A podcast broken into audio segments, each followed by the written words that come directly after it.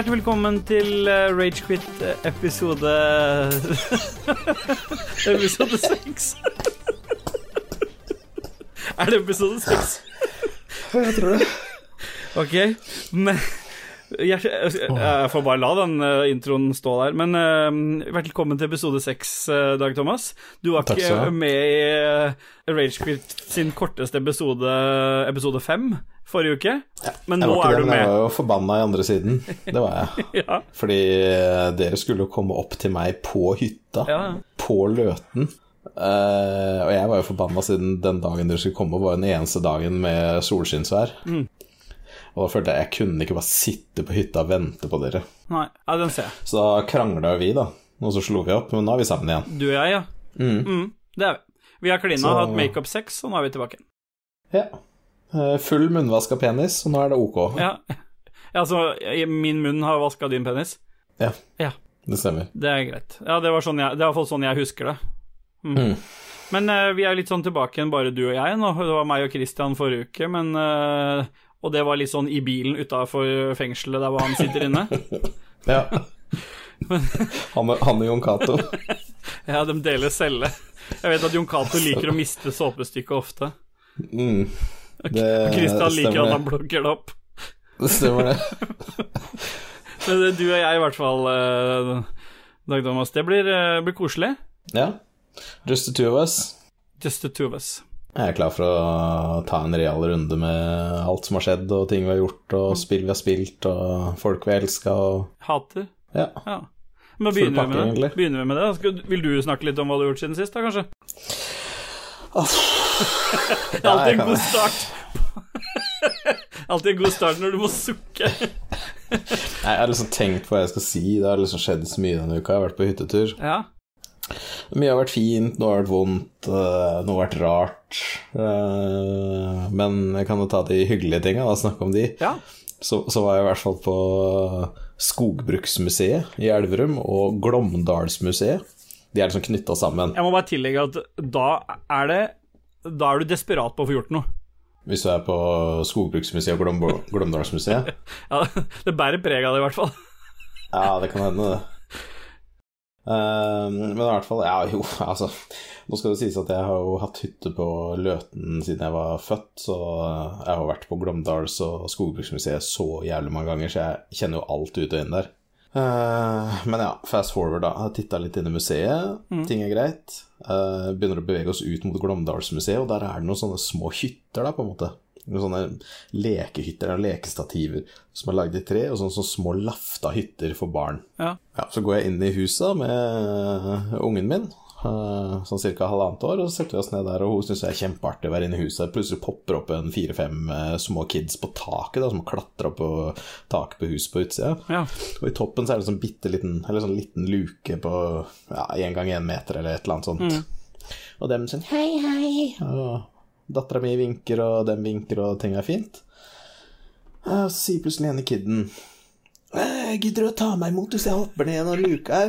Så jeg var sånn Nei, jo, ta meg imot. Begynner han å liksom klatre inn og hjelp. Og så, å, så tok jeg han imot, da, eller så tok tak i ungen og liksom løfta han ned. Og så, det var kjempegøy! Og så begynner alle å renne ned gjennom det hølet der. Ta imot meg, og ta imot meg, og, og jeg tar imot unge til unge, og så plutselig har jeg fått pedoskrekken eh, for et par uker siden, Ja, ja, ja. når jeg fortalte i historien min. Så jeg bare tenkte å fuck, dette er jo sjukt pedo. Jeg står inne i et lekehus og tar imot barn som renner inn fra taket, liksom. Det er alle pedos drøm. Så jeg fikk helt noia sånn fuck, hva er det jeg gjør nå, liksom. Ja, meg, meg, meg, sier jeg. Nei, nå, nå, nå blir det ikke mer. Så tar jeg tak i dattera mi, og så løper jeg ut derfra. Og så kan jeg tenke det ser ganske dumt ut for de foreldra som sitter på utsida. Først har det rent barn ut gjennom, ned gjennom pipa der, og så tar jeg tak i et barn og løper ut av den hytta der. og inn i skogen.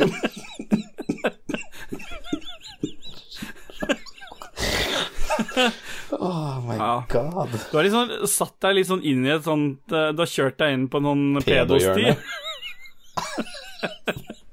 Det er ikke, altså, det jeg syns det var kult når vi lagde, eh, kall, kall, lagde kallenavnene, og Dajis er bedre enn Pedodag. Ja, det er sant, det. Men så tenker jeg altså Det er jo litt fælt at jeg liksom skal føle sånn, for nå har jeg fått skrekken, liksom. Ja, Det er jo en hyggelig gest å ta imot noen barn syns det er kjempegøy å leke der. Jeg veit ikke, kanskje man skulle sagt det liksom, får du lov av foreldrene dine, eller et eller annet. Ikke bare tatt i et barn. Så går de og spør Du, mamma, kan han mannen få lov til å løfte meg gjennom pipa der? Uansett så kommer du dårlig ut av det. Men det var en snill gesture, da. Ja, det var jo det. Ja, og det er det tanken som teller. Eh, Så jeg, jeg tenker i hvert fall at det så sjukt rart ut da jeg bare spurta ut fra det lille huset der etter å ha vært, så, så vært 100 barn der, siden det bare løp ut og inn hele tida og skulle ned gjennom pipa. Mm. Og stakk ut i skauen og så dem aldri igjen. Så da tenkte jeg ja, ja, ripp det barnet der. Det var jo mitt eget, da. Og det ble ikke molesta, det gikk helt fint. Vi stakk opp og spiste mye vaffel. så alt gikk bra. Det som er Det som er eh, Det som er så vanskelig når vi har disse samtalene her i dag, det er at det er så vanskelig å følge opp historiene dine på en sånn god måte. Ja, Man trenger ikke å følge Det er ikke noe å følge opp, det er bare det at jeg maler meg alltid inne i et hjørne og gjør idiotiske ting som jeg ikke liksom sånn seinere ser at ja, det var dumt. Og det er nok noe ADHD-greier som spiller inn der. Jeg skal jo ikke si noe annet enn det, men så sto jeg jo seinere, da, liksom rundt samme stedet, så mens uh, ungen og sånn var inne og så på noen museumsting, så var jeg på utsida. Ja. Og da fløy jeg og plukka blåbær som jeg tredde på et strå. Jeg tenkte det ser jo også sjukt pedo ut. ja, hvorfor gir dem bort til Ja, barn? altså, det så ut som jeg Nei, jeg ga det bort til mitt eget barn, Okay, ja, ja. som sovna. Så endte det med at vi bare kasta dem på parkeringsplassen. Ok. Men uh, ja. Så du plukka blåbær på strå til inget nytte, egentlig? ja, stemmer. Ja. Ja, nei, jeg har jo ikke malt meg inn i noe hjørne. Jeg vil egentlig bare ta, trekke fram to ting. Det ene er, kort Det er jo egentlig noe vi alle har gjort siden sist. Vi har hatt en sånn uh, ragequit-konkurranse. Uh, Ja. På, på Ragequit uh, Ragequitters på Facebook, der vi eh, trakk eh, fem heldige vinnere av noen Ragequit-T-skjorter. Det har blitt hevda at uh, at Google har fucka, fucka det opp, og flere som har blitt pissed over at de ikke har fått T-skjorte. Men uh, vi jobber med å få Men det blir flere konkurranser. ja, og vi jobber med å få på en uh, nettbutikk, så hvis noen har lyst på en uh, Ragequit-T-skjorte med 'bli revna'-teksten på baksiden, og det kan jeg ikke skjønne at noen ikke vil ha Nei, Det er det fete. Jeg har hatt en sånn T-skjorte noen dager nå som jeg har gått med på butikken, og folk ser litt spesielt på deg når du, står Når du, når du passerer det, det står 'bli revna' på ryggen. Det er noe helt eget med det. Så det er helt klart at eh, det, det skjønner jeg at noen vil ha. Altså, også, også det at det ikke er liksom korrekt eh, Det er Ordlyden er fin, liksom. Blir revna. Men egentlig så er det bli revnet. Mm. Ja, ja, Formen er jo ikke revna, så det blir enda mer punchy, da, på en måte. ja, ikke sant? Ja. Ja. Nei, det, det, er, det er godt å Følge opp. Og så har jeg eh, Dette er egentlig en historie jeg gjerne ville fortalt Christian, da. Den, eh, det som har skjedd meg Ja, siden det er sist. kjipt, det. Hmm? Det er kjipt at han ikke er her. Ja, jeg har jo på en måte et godt vi... forhold til Christian. Skal vi ta tre sekunder stillhet, da? Ja, og, For Christian? og satse på at han dør i natt. Mm. Ja.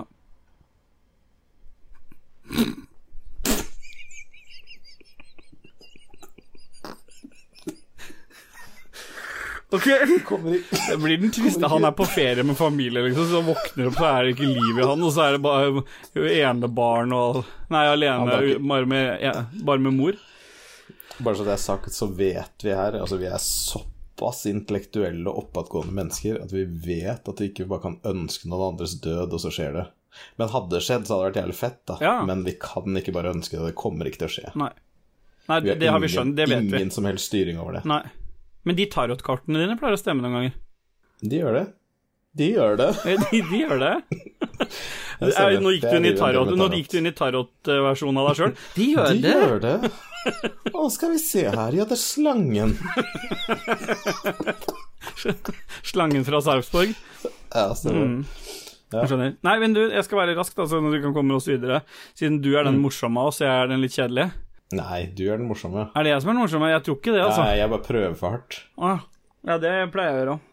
Jeg kom en sjukt fet historie i dag. okay, ok, ok. Men det som er greia, er at jeg har, um, jeg har hatt en Xbox-kontroller, sånn elitekontroller på verkstedet. og det har vært en lang greie, for den ble plutselig borte i system, og masse fram og tilbake. På verksted? Altså på sånn der du har bilen, liksom? For å lakke den? Riktig, jeg har fått lakka om kontrollen min. Nice. Nei, men eh, skal jeg, jeg kan ta med introen da, det blir jo bare lang, lengre og lengre. Men det som er greit, jeg klar, var så smart, så jeg kjøpte meg en uh, Elite-versjon, eller Xbox Elite-kontroller versjon 2 på GameStop. nice. Og som alle vet, så er jo GameStop oppe og går, så det er ikke noe problem å levere inn ting der. Nei, stemmer, de er konkurs. Så, så da da var det ikke noe sted å levere den inn, så da tenkte jeg da må jeg bare ta det via Microsoft. Jeg gjorde dette via nettsidene deres, og så fikk jeg en, fikk jeg en sånn kode jeg, jeg skulle, som jeg skulle printe ut og pakke inn kontrollen, og så sende den inn. Så sendte jeg den inn. Dagen etter så kommer det et bud på døra mi, skal ta den imot. Ennå det sto i mailen at jeg skulle sende den selv, så da plutselig kom de og henta den, men den hadde jeg allerede sendt. Eh, så det begynte lovende. Og så fulgte jeg den trackinga og så at den kom fram, men det skjedde ikke noe videre. Jeg hørte ikke noe mer. På Microsoft sine sider så sto det aldri at de hadde mottatt den, men pakka sto som utlevert, så sånn sto det i 14 nice. dager. Og så forsøkte jeg å ta kontakt med, med Microsoft eh, på chat-support, og da det, havner du til noen i England. Så det var jeg fram og tilbake, fram og tilbake, helt til jeg til slutt um, bare fant ut at må, det må jo finnes noen norsk support. Prøvde å ringe og bli satt, og klarte faktisk å finne norsk, norsk eh, support. Jeg fant, og da kom jeg til en utrolig kul trønder. En ordentlig okay. sånn sløvingtrønder. Han satt sånn, da. Ja, det måtte jo få orden på den han var, han var, så chill og lax, han fyren. Jeg må jo få orden på kontrolleren din, da. Og, og det gjorde han. Um, så den ble etter, mye, etter over en måned så fikk de summa seg, og da som en sånn for sånn plaster på såret, så fikk jeg en helt ny en istedenfor sånn replacement-enhet. da. Nice. Så det var good. Jeg fikk venta og skulle få den her, og så kommer det eh, Får jeg beskjed at nå er pakka di på vei til å leveres ut denne gangen, så skulle i hvert fall få noe fordel av at de kom på døra. Dette var klokka åtte på morgenen, og jeg hadde fri den dagen og var hjemme med unga. Og klokka ni så tikker det inn eh, en melding om at pakka er levert, og at, eh, jeg, om jeg kunne skrive en liten anmeldelse på hvordan, har, hvordan, jeg har opplevd den servicen. Det er sweet. Men jeg har ikke fått pakka. Og da gjorde du det før du Altså, Den sto som utlevert, men jeg har aldri fått noen pakke. Den var aldri utlevert til meg, i hvert fall. Så plutselig så tar det eh, noen minutter til, og så ringer det en kompis av meg som bor lenger borti gata her, og så sier han du, er du på jobb i dag?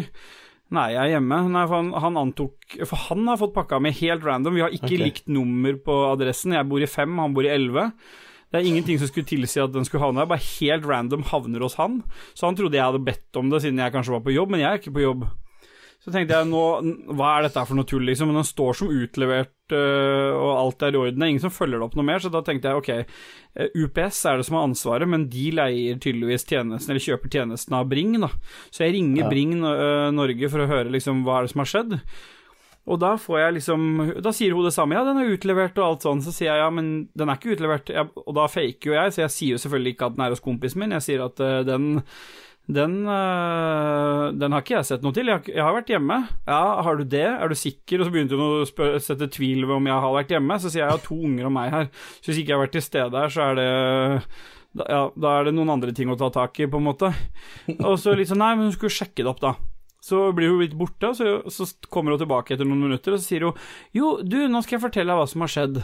Og her ville det vært naturlig at noen sier vi har levert den ut feil, men vi skal rette opp i det. Men det er ikke det hun velger ja. å si.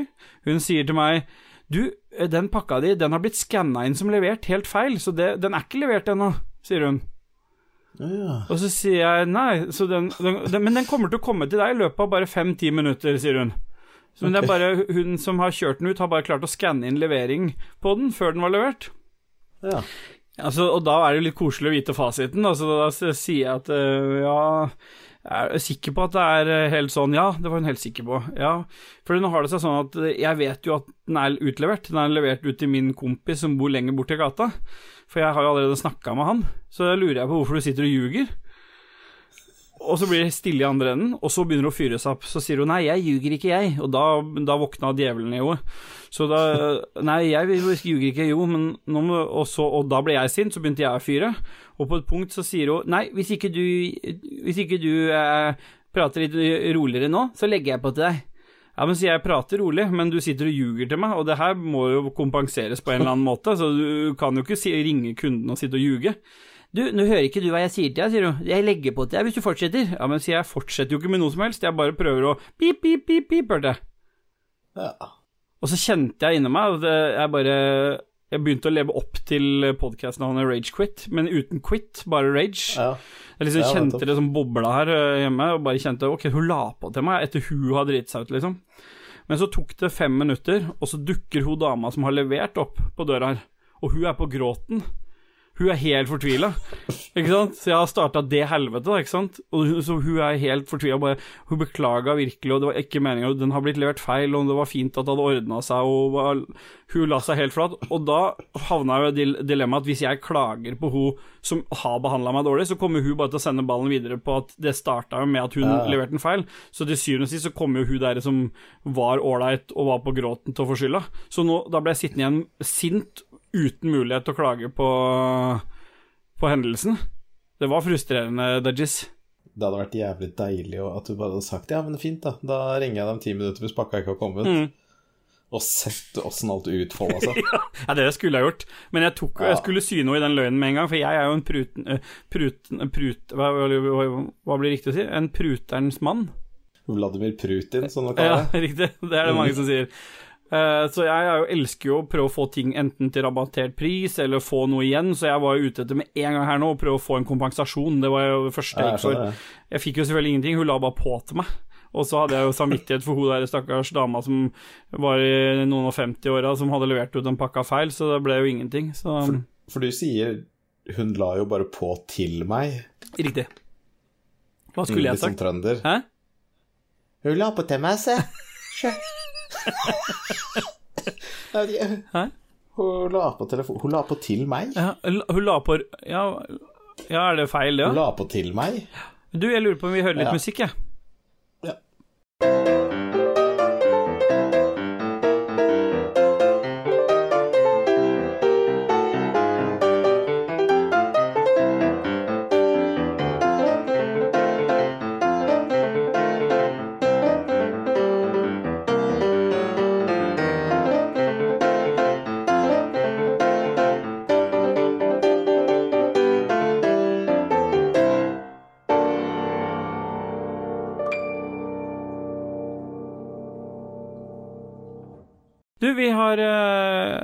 Vi har spilt, og vi spiller litt om dagen. Selv om du er på hyttetur, så har du jo du har, Jeg vet du har spilt litt på Switchen når du har vært på hytta?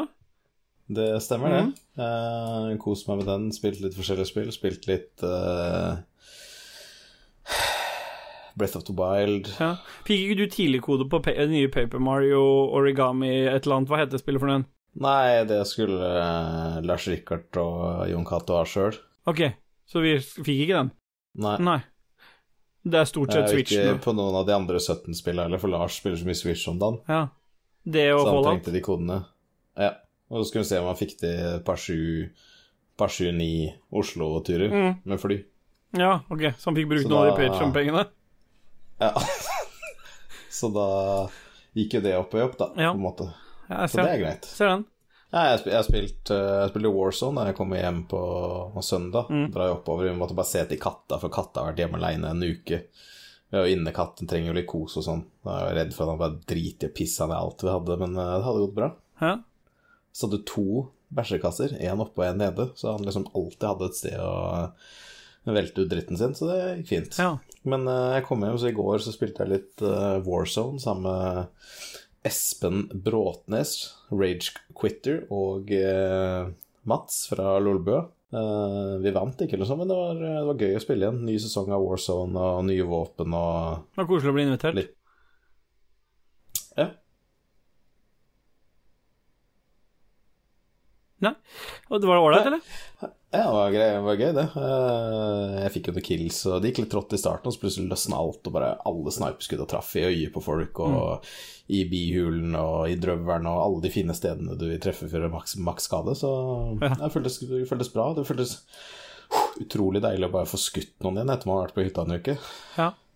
Det var en fin tur på hytta, skjønner jeg. Ja, den var grei, den. Tre av ti. Ja, men det er maks, det. Det er maks. Spilt, ja, spilt noe fett. Du, jeg er jo den eneste som spiller noe fett, da. Jeg har jo øh, både Minecraft Dungeons og masse greier på øh, historikken min. Jeg spilte litt, jeg spilte faktisk, jeg har spilt Minecraft Dungeons siden sist. Har du det? Nei, jeg prøvde det faktisk. Løp rundt, tenkte fuck this shit.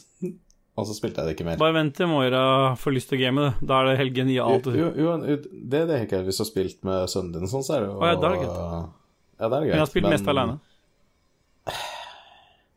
Du må få deg PC, altså du må spille Path of Exile. Er ikke det på PS4 òg? Nei, nei men jeg, det er bedre å få seg en PC. En PS4 på nytt. Jeg har jo solgt den. Tenk deg hvis du hadde fått spilt det etter å ha spilt Minecraft Dungeons. Ja, Minecraft Dungeons er fett spill. Nei, det er ikke fett spill, det er dritt. Og det er faen meg spiller du, så er du pedo. Da sitter du i hytter og tar imot uh, barn da, fra luka Fra i en, en, taket. met- en gang én luke i taket. Stemmer. Ja, det er godt uh, ingen av oss gjør det.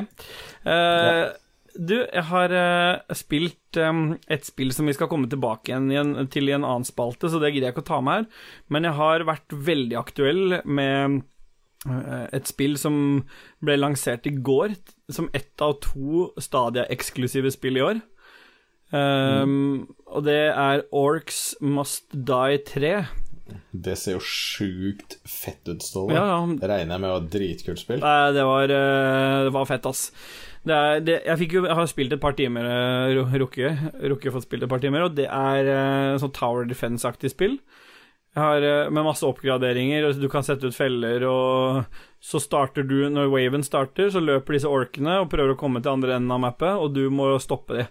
Og bare splatte disse orkene, skyte av de lemmer og bygge mer feller, og så kommer det flere orker, og nei, fy faen. Det er, ja. det er helt veldig nyskapende, da. Det er ikke så mange som har gjort, og det er jo Ja, det skjønner det høres nytt ut. åpenbart at eneren og toeren av Orcs Must Die, det har ikke jeg testa, men uh, Men her er det, Nei, det, det her var tror såpass bra at uh, det er bare å hoppe rett på treeren der. Eh, Ja, jeg sliter litt med historien, da. Jeg det er en annen figur som har blitt borte, som de skal finne tilbake igjen. Det går en storyline under her, og den, i og med at jeg ikke har spilt eneren og toeren, så sliter jeg litt med den, da. Men uh, foruten det, så var det um, helt klart uh, terningkast to-spill, altså. Mm. Så langt. Jeg liker det at vi bruker litt forskjellig. Jeg bruker av ti, du bruker terningkast. Vi har liksom litt forskjellig, og som spicer opp litt. Grann. Jeg har ikke blitt Så det- helt enig. Så, så, så, jo, så at det blir kjempelett å for lage en side hvis vi skal ha en sånn review-side. Ja. Som må både ha terningkast og 0 til 10. Og kanskje litt annen, andre ting. Kanskje vi skal bare lage helt sånn random. Bare sånn av 19 sier jeg til 12. Ja, kanskje vi skal gjøre det. Altså, Hvis det er her går til 19, så vil jeg si 8. Hver uke så er det et nytt tall det går til. Ok. Eller for Ja, det kan mulig å forholde seg til. Men da må huske å referere til episoden, altså i fall få høre hva de mente om det. Men jeg kommer jo til, å jeg kommer til å teste det mer, det må jeg gjøre. Jeg betaler jo 100 kroner måneden for å ha Stadia, så jeg må jo Mm. liksom få noe value for the bucks, liksom. Er det liksom litt sånn pity, eller litt sånn at du føler at du må gjøre det siden kona kjøpte det greiene der til deg? At du liksom må liksom tviholde litt på det? Du kan ikke bare si at dette kan jeg ikke bruke lenger? Jeg, har, jeg velger å si ingen kommentar, jeg. Det ser jo unektelig fett ut stadig. Jeg har skikkelig lyst på det sjøl. Jeg har bare ikke hatt penger nok til å kjøpe meg det ennå. For inngangs, inngangsportalen er litt sånn stor og høy. Det er akkurat som du kjører rett på Hero, liksom, ikke bare innom hasj først. Nei, Nei, det er, det er jo det der. Og for meg som er en konsollmann, så er jo Stadia er jo som å gå rett på Hero. Det er drømmen. Ja. Ingen å spille crossplay med, og knapt et spill, og de spillene som er eksklusive. eh, det er Det som er kult med Stadia, er at du, de har jo ganske god integrasjon med alle streamingtjenestene sine, så du kan streame det til andre, så andre kan se Du, det det er så godt du nevner det, fordi um, jeg tenkte jeg skulle komme litt tilbake på, uh, under nyhetene, men um, de har annonsert noen ting om, um, om sånn, På sin siste konferanse med Stadia Connect, så har de uh, sånn YouTube-events eller sånne YouTube-konferanser som de har regelmessig, der de viser fram ingenting. Og nå siste så viste de fram at de nå endelig skal holde noe av det de lovte til launch, som er at Yes. du skal kunne se på en stream, trykke på linken i, på YouTube, og så komme rett inn i det spillet. Oi. Men det som er kult, da, det er at det går ikke an å streame fra Stadia. Så, da så den eneste måten å streame er hvis du spiller Stadia på PC, for da kan du bruke Ja, sånn er OBS og sånn. Mens ja. hvis du gjør sånn som meg, som spiller på TV via Chromecast, så går det ikke an å streame. Så jeg vet ikke helt åssen jeg skal få til å lage en sånn stream der noen kan trykke på linken og bare få lov til å være med, liksom. Så det er Forever Alone, på en måte. Men det som også er kult, da, som er en, en av de nyeste funksjonene som kom til Stadia-appen, og det, det er litt fett, det kan jeg ta med i samme slengen her. Fordi den Stadia-appen, den, den skal jo på en måte være Det er der du starter opp spill. Du kan, du kan jo spille Stadia-spill på telefonen, selvfølgelig ikke på iPhone, som jeg har. Nei. nei, uh, og det har nettopp kommet til Android også, så det har ikke vært der hele tiden heller. Men nå eh, Altså, så når du tar screenshots eller video i, av, av et spillklipp, så havner det i den Stadia-appen. Men inntil nylig så, har du, så blir jo alle bildene du tar, de blir jo i 16.9-format. Men du har ikke kunnet legge appen på siden, så du har ikke kunnet se bildene i noe annet enn en enn 16.9 på høykant, da. Ok, Eh, men, nice. men det er ikke det verste. Har, du kan ikke lagre screenshots da fra appen til kamerarullen din, så du kan ikke gjøre det der heller. De er bare okay. tilgjengelig i Stadia-appen. Men nå er det Nice. kommet, så nå kan du snu appen på siden og se bildene i profilen. Men du kan fortsatt ikke lagre bildene, da. Nei, men det, hva er det man trenger det til? Hvis du tar screenshot til et spill, så har du ikke lyst til å dele det med noen. Nei. Du har lyst til å bare se på Nei, det på og så mobilen. og så har de utvida den, og så nå kan du ta s- øh, opptak av spillklipp og inntil 30 sekunder. Nice. Mm. Så det skjer Ja, ting det der, altså. bra. Ja. Men det er kult å se at det er fullt driv i, fullt driv i den konsollen der, for det Ja, det er jo som vi har sagt tidligere, det er en jævlig bra konsoll Mm. Det er det. som byr på timevis moro. Ja. Så ja. Musikk? Det er ikke noe musikk nå. Nei. Nei, men da går vi videre. Den starter, den starter der, den. Den starter Nå? Ja, nå er den på. Musikken? Ja, den har gått helt som du sa det. Ok. Jeg trodde ikke at det var noe, for jeg hørte ikke. Nei, nei. Jeg hører så jævlig dårlig på det ene øret. Ja, ok. Nei, men da er den på nå. Du,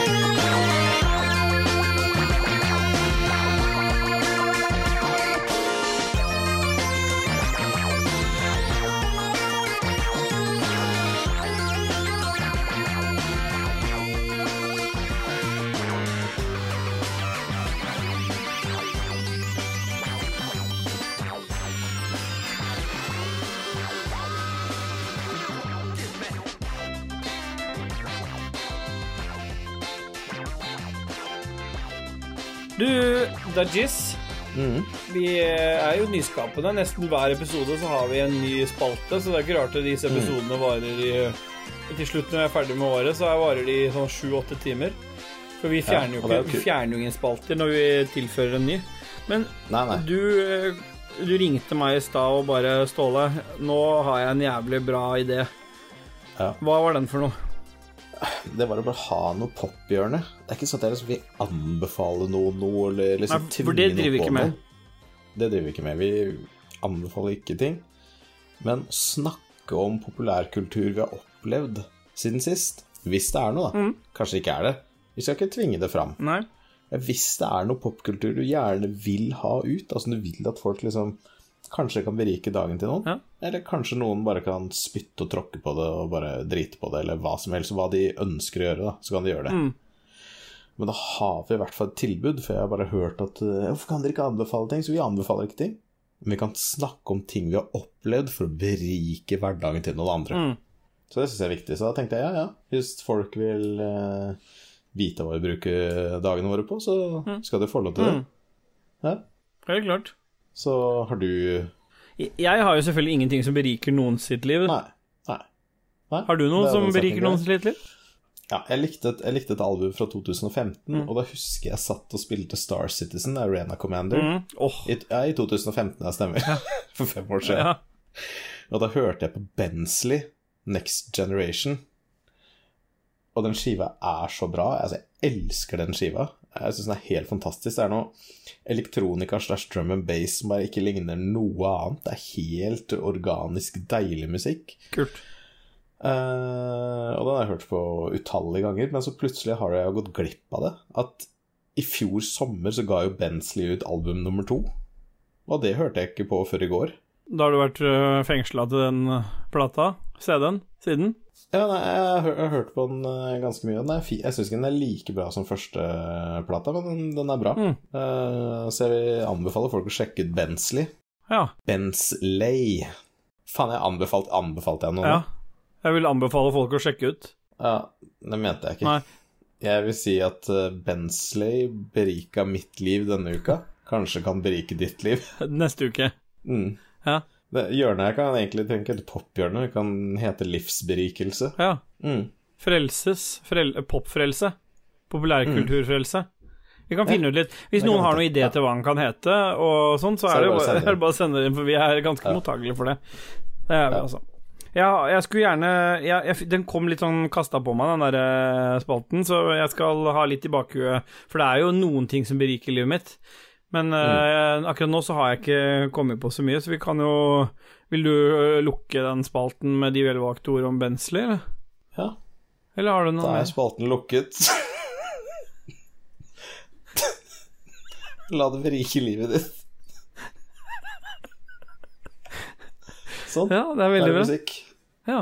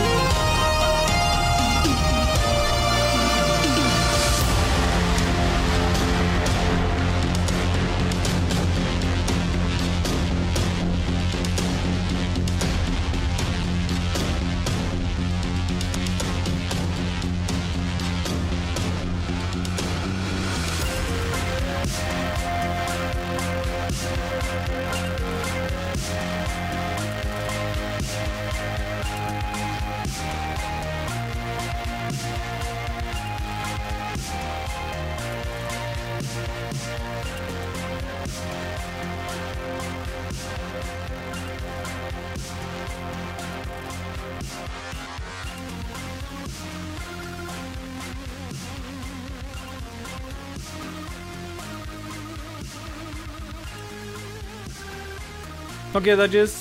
Vi bare Yes. Vi druser på videre. La oss bare gjøre det. Ja, vi gjør det. Du, Da vel du noe spill, spill du jeg har jo, jeg har jo, har jo tatt på meg ansvaret for Det er kanskje den eneste spalten som er min. Alle de andre tilhører jo deg, og så den ene Christian hadde, den ville han jo ikke ha noe med å gjøre. Så Isteden så lager han Sid-bua for LOL-bua. Så jeg vet ikke helt. Men eh, spillnyhetene det er liksom det eneste som er min, så vi bare blåser igjennom litt ting som jeg har eh, notert meg opp. Ja. Um, det er snart et sånt um, eh, Xbox-event der de skal vise fram egne spilltitler. Det er den 23. juli klokka seks.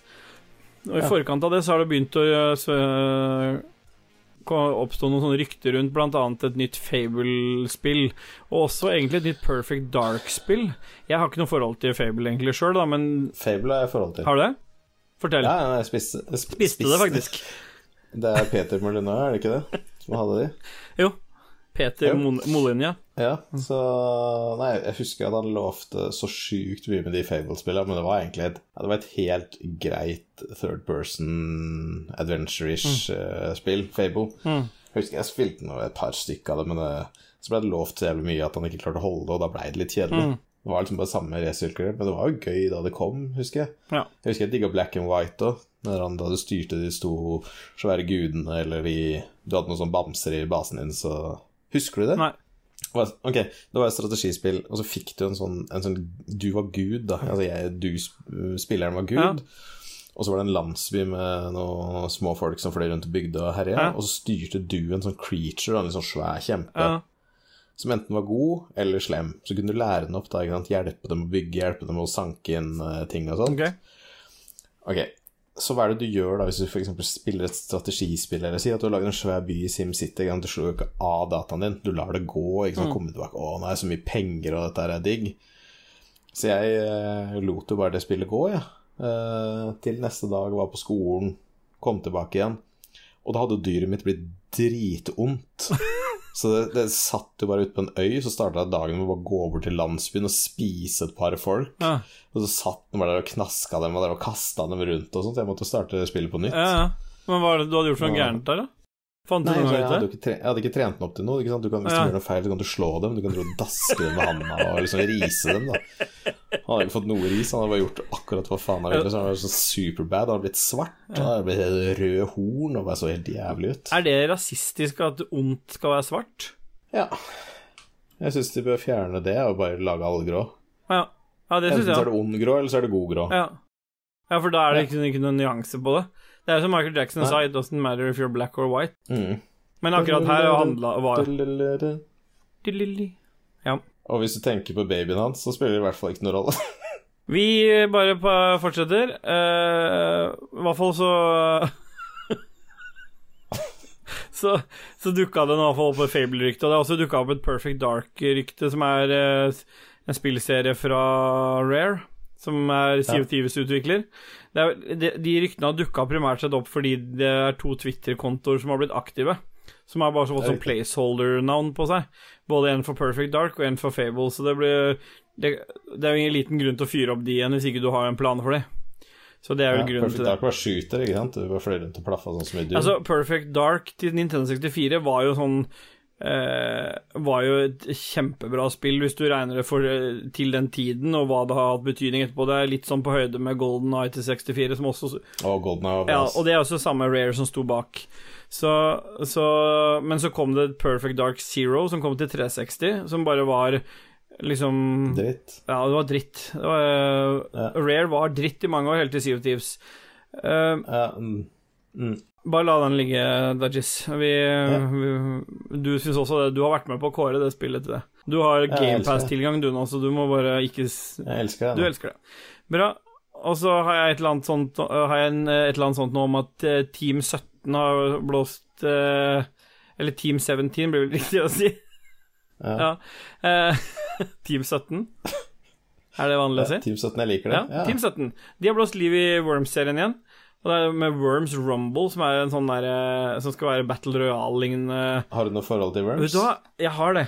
Veldig gode Ja. minner til uh, Worms, fordi jeg har jo, som du har påpekt før, ikke vokst opp med PC. Men jeg hadde en god kompis av meg i mm, barndommen som absolutt vokste opp med PC. Og en av de tingene vi, vi pleide å gjøre når vi var sånn, var å, i tillegg til å runke hverandre, det var også å spille, spille Worms på PC-en hans. Og da delte du jo tastaturet i to, ikke sant? så du hadde den ene siden, og så han den andre ja, siden. Og så spilte vi gode gamle Worms. Du kunne sitte på den PC-en hans, den gamle PC-en hans i mange timer og sitte med holy grenades og Det Ja, var, jeg, husker, var så mye kos, altså. ja, jeg husker også Jeg spilte også jævlig mye Worms og Holy Grenades og alt det greiene der. Dynamitt det var liksom favoritten. At de, de tinga som virkelig smalt. Mm, de som blasta litt av brettet, liksom. Jeg husker også jeg spilte en del av det Scorched Earth. Ja. Som er liksom det samme du skyter noen tankser, kunne du få noe Ja. Det er fett, i hvert fall. Ja, ja, ja, mye, mye gode minner med Worms. Ja, så Hvis de kan dra tilbake mye av det, fordi det var litt som Battle Royale, selv om det var turbasert, så hvis, det blir spennende å se hva det er. Det, de, det er nå i hvert fall planen Men realtime Worms, Ja, det er ikke gøy. Jeg er enig. det er ikke gøy, det. Nei. Det er turn-based. Ja, det er turn-based. Ja, men det blir dritt. Og så er det noe annet som kommer til å bli dritt, og det er at Betesta skal lage TV-serie i Fallout-universet. Vi driter i det, vi bare, bare War. Ja, det blir, War never changes. ja, det blir det, Du tror Ja. det blir dritt, du òg? Hvis Hvis det blir Vet du hva, jeg skal si det. Hvis de baserer det på Fallout 76, så blir det bra. Da blir det bra, for det er kult. Og da kan du ha de basene til Lars og fange masse hunder og ghouls og, og selge dem. Og det kan hende at det er, ja, det kan hende at det er noe der, da. At det er handlingen. Prostituerte ghouls. Så at du lyser av pikken din etterpå. Eller eh, vaginaen din. Det spørs jo helt Ja, fordi vi er ikke opptatt av kjønn, vi. Nei. Nei, det er riktig. Det er viktig. Rett skal være rett. Det er ikke noe Her er kvinner og menn og transer og alle velkommen. Ja, enig. Så har det vært to sånne siste ting som jeg To sånne event. Det ene er at Ubisoft har hatt et sånt Alle disse eventene er jo resultatet av at E3 ikke ble noe av, så da har Ubisoft starta noe som de kaller Ubisoft Forward, og alle disse eventene er vel begynnelsen på at dette eh, var siste året med E3, selv om det ikke var E3. Altså det er liksom året som E3 ble avslutta på, fordi nå har alle på en måte etablert sine plattformer å vise fram ting på, som de kan kontrollere mye bedre enn de har Ja. gjort tidligere. Og Ubisoft har kalt sin for, for, for Ubisoft Forward. Og der, jeg vet ikke om du så noe på det eventet? Fordi de viste fram både Det er første gang de har vist fram gameplay fra Assassin's Creed Valhalla. Bare, Bare så det er sagt en gang for alle, Ja. så hater jeg Assassin's Creed. Jeg syns det er så møkkete dårlig spill at jeg, jeg klarer ikke Jeg kan ikke fatte fascinasjonen engang. Altså, sånn, jeg husker jeg spilte første spillet. Jeg drev og hoppa Jeg, jeg, jeg klatra opp i noe tårn, og så hoppa jeg ned i noen høyballer og noe dritt. Det aller første spillet. Fast forward, gjør du noe annet nå? Nei, du klatrer opp i høye tårn og hopper ned i noe fuckings shit nede på bakken. Jeg blir så jævlig Det irritert. kan det kan hende at du faktisk vil like de tre siste litt bedre, fordi det de har fått kritikk for på de siste spillene, er at de ikke Nei, du kan sende ut en ørn Nei, isteden nei at, du, at det er mer hack and slash og mer fighting, fordi mye av de første spillene gikk jo på sniking opp i tårn, uh, assassinere folk, Men er liksom. fightinga noe gøy? Nei, det er Eller er det de to, sånn- ja, de, det er bare siste, sånn siste, helt generisk. de to siste spillene har jeg ikke spilt heller, da, men der skal det visstnok være mye mer sånn at du finner våpen med, i høyere level, og det er mye mer sånn RPG-aktig, da. Jeg kan ikke høre om noen på Rage Quitters på Facebook kan skrive noen godord om Assassin's Creed, da, så kan vi se om jeg kjøper det og spiller det. Odyssey og Origin, som er de to siste. Jeg sitter og gulper òg, jeg nå. Ja. Selg det til meg. Faen, er det jævlig, eller? Er det surt? Det var litt grann surt, men da sliter jeg litt med halsbrann, for jeg er såpass tjukk òg. Ja. Mm. Men du, Sånn det. det ble vist fram eh, noe annet kjedelig også. Det var jo For det har vi sett før. Det er det derre nye ja. hackespillet. Hva heter det for noe igjen? Alle skulle få det gratis òg hvis de så på den eventen. Hackerman. Hackerman kaller vi det. Jeg veit hva du snakker om. Uh, Watchdogs. Hackerman Ja. blir jo nytittelen på det, selvfølgelig. Stemmer. Jeg, jeg likte Watchdogs 2 veldig godt. Jeg likte Watchdogs 1 veldig dårlig, for det var ganske dårlig spill. Men Watchdogs 2 Ja. syns jeg var kult. Watchdogs Legion, som det her heter, da, det har jeg liksom ingen formening om. Det bare virker som en sånn mølje av alt sammen. Det kan hende at det blir kult, men jeg har ikke noen forventninger til det. Det som jeg syns så kult ut uten at vi fikk se noe gameplay av det, var Far Cry 6. For jeg likte den settingen det var satt i. Eh, men, men Far Cry-spillene har liksom vært sånn halvappellerende til meg. Jeg har sett deg spille Far Cry, og det så jo ikke gøy ut. Nei, det, altså da, Nå skal jeg liksom være litt snill, da, fordi jeg har en sånn Noen ganger så har jeg lyst til å like noe, men jeg får det ikke til, og så vil jeg liksom ikke gi slipp på det. Far Cry er et sånt spill der jeg liksom Jeg liker hvordan det ser ut og hvordan det oppfører seg, men når jeg spiller det, så er det dritt. Men allikevel så vil sånn huet mitt overbevise meg om at ja, men du, du liker det, vet du, Ståle. Det her kommer til å gå Dette her liker du, så derfor blir jeg sånn automatisk hypa av Far Cry 6. Og jeg har ennå ikke spilt gjennom et eneste Far Cry. Likevel så er jeg like hypa av det på femmeren nå. Spilte ikke gjennom jeg, jeg det. Jeg, tror jeg spilte én, to og tre, eller kanskje jeg hoppa over tre og bare spilte fire. Jeg har spilte noe sånn du hadde noe wingsuit og fløy ut i en jungel med Er ikke Just Cause du driver og blander dem med? Nei nei nei, Nei. nei, nei. Og de to første òg, jeg husker ikke helt hvor det andre var, men jeg tror du var ute i litt sånn Mm. ørkenisje, eller litt sånn Ja, det var litt savanne, det var litt Afrika, kanskje. Mm. Jeg husker ikke helt. Jeg husker jeg hadde f- 4870 X2 ATI-kort som sprut Mm. Oi, shit. Er, Så spru... Shit, Var det vibratoren? kom. Shit. Dette er en bare ja, bare Nå sitter hun faen meg oppreist. Ja. Bedre.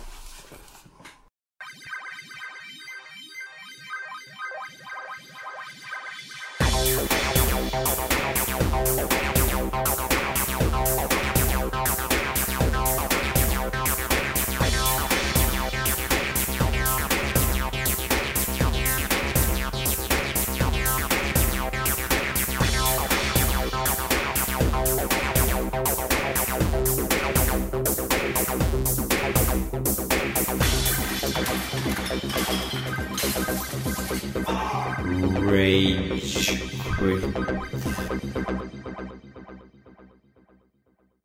Hva er var det siste vi sa? Jeg aner ikke. Jeg kan sikkert klippe bort noe av det. Ja. Helt sikkert. Snakka sikkert om Far Cry at jeg hadde et Jo, det var det. Jeg hadde et 4870 X2-kort som spyla ut sikkert 110 grader på tæra mine. Mm. I i rommet der, det gutterommet der var sikkert 60 grader. Det var rant svette fra pungen, bare nonstop. Mm. Hvis du har på den aircondition en gang til mens vi streamer, Mm. eller mens vi tar opp, så får jeg noen til å komme og ta knekken på det. Det beklager jeg virkelig. Ja. Da er den saken i hvert fall. Det er greit. Du, jeg har ikke egentlig så mye mer å si om den, eh, det Ubisoft Forward-eventet. Jeg. jeg så på det, det var litt kjedelig. Det var ikke noe sånn voldsomt mye spennende nytt der, så Men jeg vil gjerne ta en siste ting på nyheter, og det er jo det som på en måte Det bør jo, bør jo skape entusiasme hos deg også, fordi Stadia har også Ja. hatt et event. Det hadde de Ja, Ja, fy faen. Det hadde de den 17. 17. i syv... eh, 17. sier jeg. Den 14. i, i syvende. Ja, godt, godt du hadde det Ja, for denne episoden er jo tatt opp den 20. i syvende. Ja, riktig. For vi tar jo opp litt fram og tilbake i tid. Ja, 2019. Ja. 2019, ja. Mm. Nei, eh, den 14. juli så hadde Stadia sitt Stadia Connect, som er deres versjon av uh, av et eh, event. Og det ble vist for mye fett? Vet du hva? Hvor skal jeg begynne? Skal jeg bare begynne, eller? Ja. Ja. Det ble jo vist fram eh, Altså, Hitman Altså, det er jo per nå, da Jeg må liksom Jeg må, jeg må bygge det opp litt. Fordi nå, per nå, i spillbiblioteket på Stadia, så er det rundt 40-50 spill tilgjengelig. Det er ganske sjukt, Ja. liksom, hvor mye det er du kan velge. ja. Eh, og så Nå kommer Hitman 1 og 2, de spillene fra 2017 2016-2017. ja. De viste fram masse, liksom Masse, masse fete eh, spill da, som allerede er ute på mange andre plattformer. Men nå, Ja. men nå er de liksom tilgjengelig på, på Stadia, da. Eller de kommer, da. De har ikke kommet ennå. Men de kommer til å komme, så da øker det kanskje til 60 spill da, i biblioteket når de er ferdig med alle de. Um, I tillegg så Da har de jo hele verden i sin hånd, da, på en måte. ja, altså det blir vanskelig å konkurrere med de. Men i tillegg til det, så, så kommer både Cyberpunk 2077 og Valhalla og Marvels uh, uh, Avengers. Alle de kommer til Stadia, og på samme dag som de gjør til de andre. Og det har jo vært nytt for Stadia. For vanlig så kommer de noen måneder senere til Stadia, eller et par sånn, år senere. Vi får håpe at uh, de lager en ny, et nytt spill av Knull òg, så det kommer Ja, det, i 2021 ja ikke sant. Det. med en gang. Stadia-knull. Knull is coming. Ja. Ja. Og så viste de til og med fram to helt eksklusive Stadia-spill, der det ene ble lansert med én gang, som jeg allerede har snakka litt om tidligere. Og Ja. så viste de fram et annet som jeg ikke husker, som også var sånn indie-aktig spill. Det så litt kult ut. Det er ikke det som redder eh, plattformen, spillplattformen Stadia, men eh, helt greit.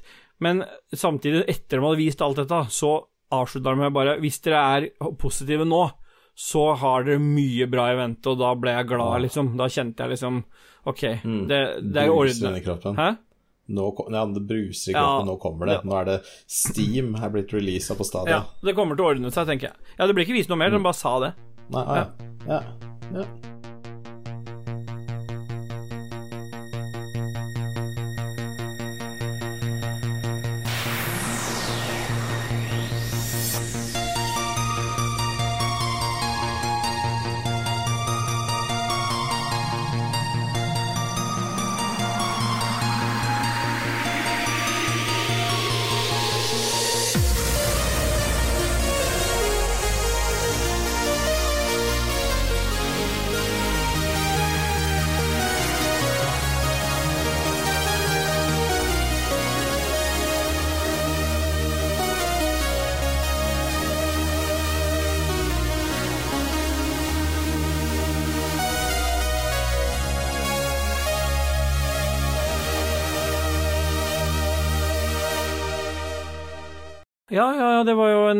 knallperle, det der, uh, Dajis.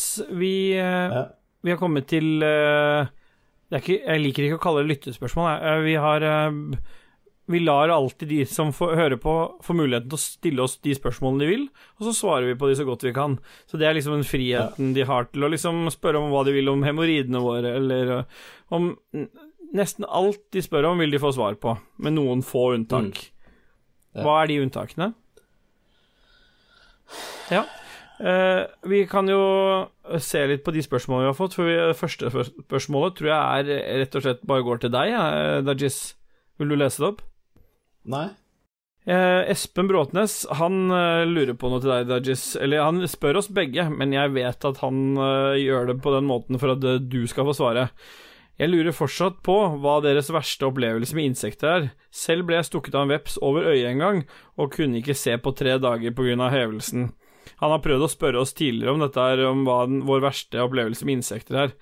Og Ja, og jeg har jo jeg har se, jeg har sett det, men jeg har bare valgt å ignorere det. Og så er jo Joakim Strandberg Han er jo på med en gang, og han prøver å gjette. Jeg vil gjerne ta med den gjettinga hans før du forklarer hva det er, fordi Mm. han gjetter Dajis, Dajissers tråkka på en veps, den kravla opp i rumpa hans, lagde en koloni og måtte opereres ut uten bedøvelse. Der du svarer close. Så kan ikke du fortelle hva din verste opplevelse med, med insekter er? La meg bare sette meg litt nærmere mikken. Ja, Det skal du få lov til. Jeg og en kamerat vi dro ned til Alby i Moss, på Jeløya. Er det en fyr? For vi tenkte at det, Ja, det er et sted. Albi Ja, galleri ok, det hørtes ut som en cal. Ja, nei, nei. Uh, så vi sto nede på stranda der og tok bilde av månen og tok bilde av hverandre med måneskinn i ansiktet. Kanskje vi digga Twilight, kanskje jeg var Team Edward, jeg veit ikke. Mm. Vi prøvde oss fram fototeknisk og pubertale lyster, da.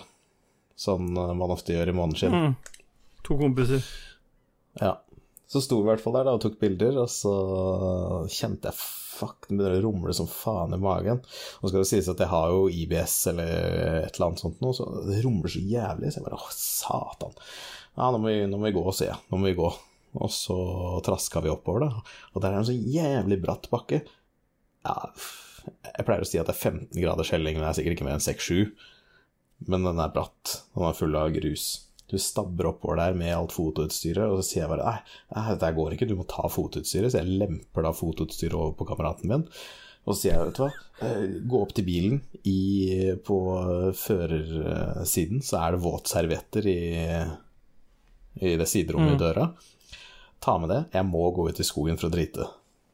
Og akkurat der står jo ikke akkurat alle planetene på linje, sånn at dette her er en bra historie, eller at det går bra for meg. Nei, nei, det pleier jo sjelden å gjøre det, Dajis.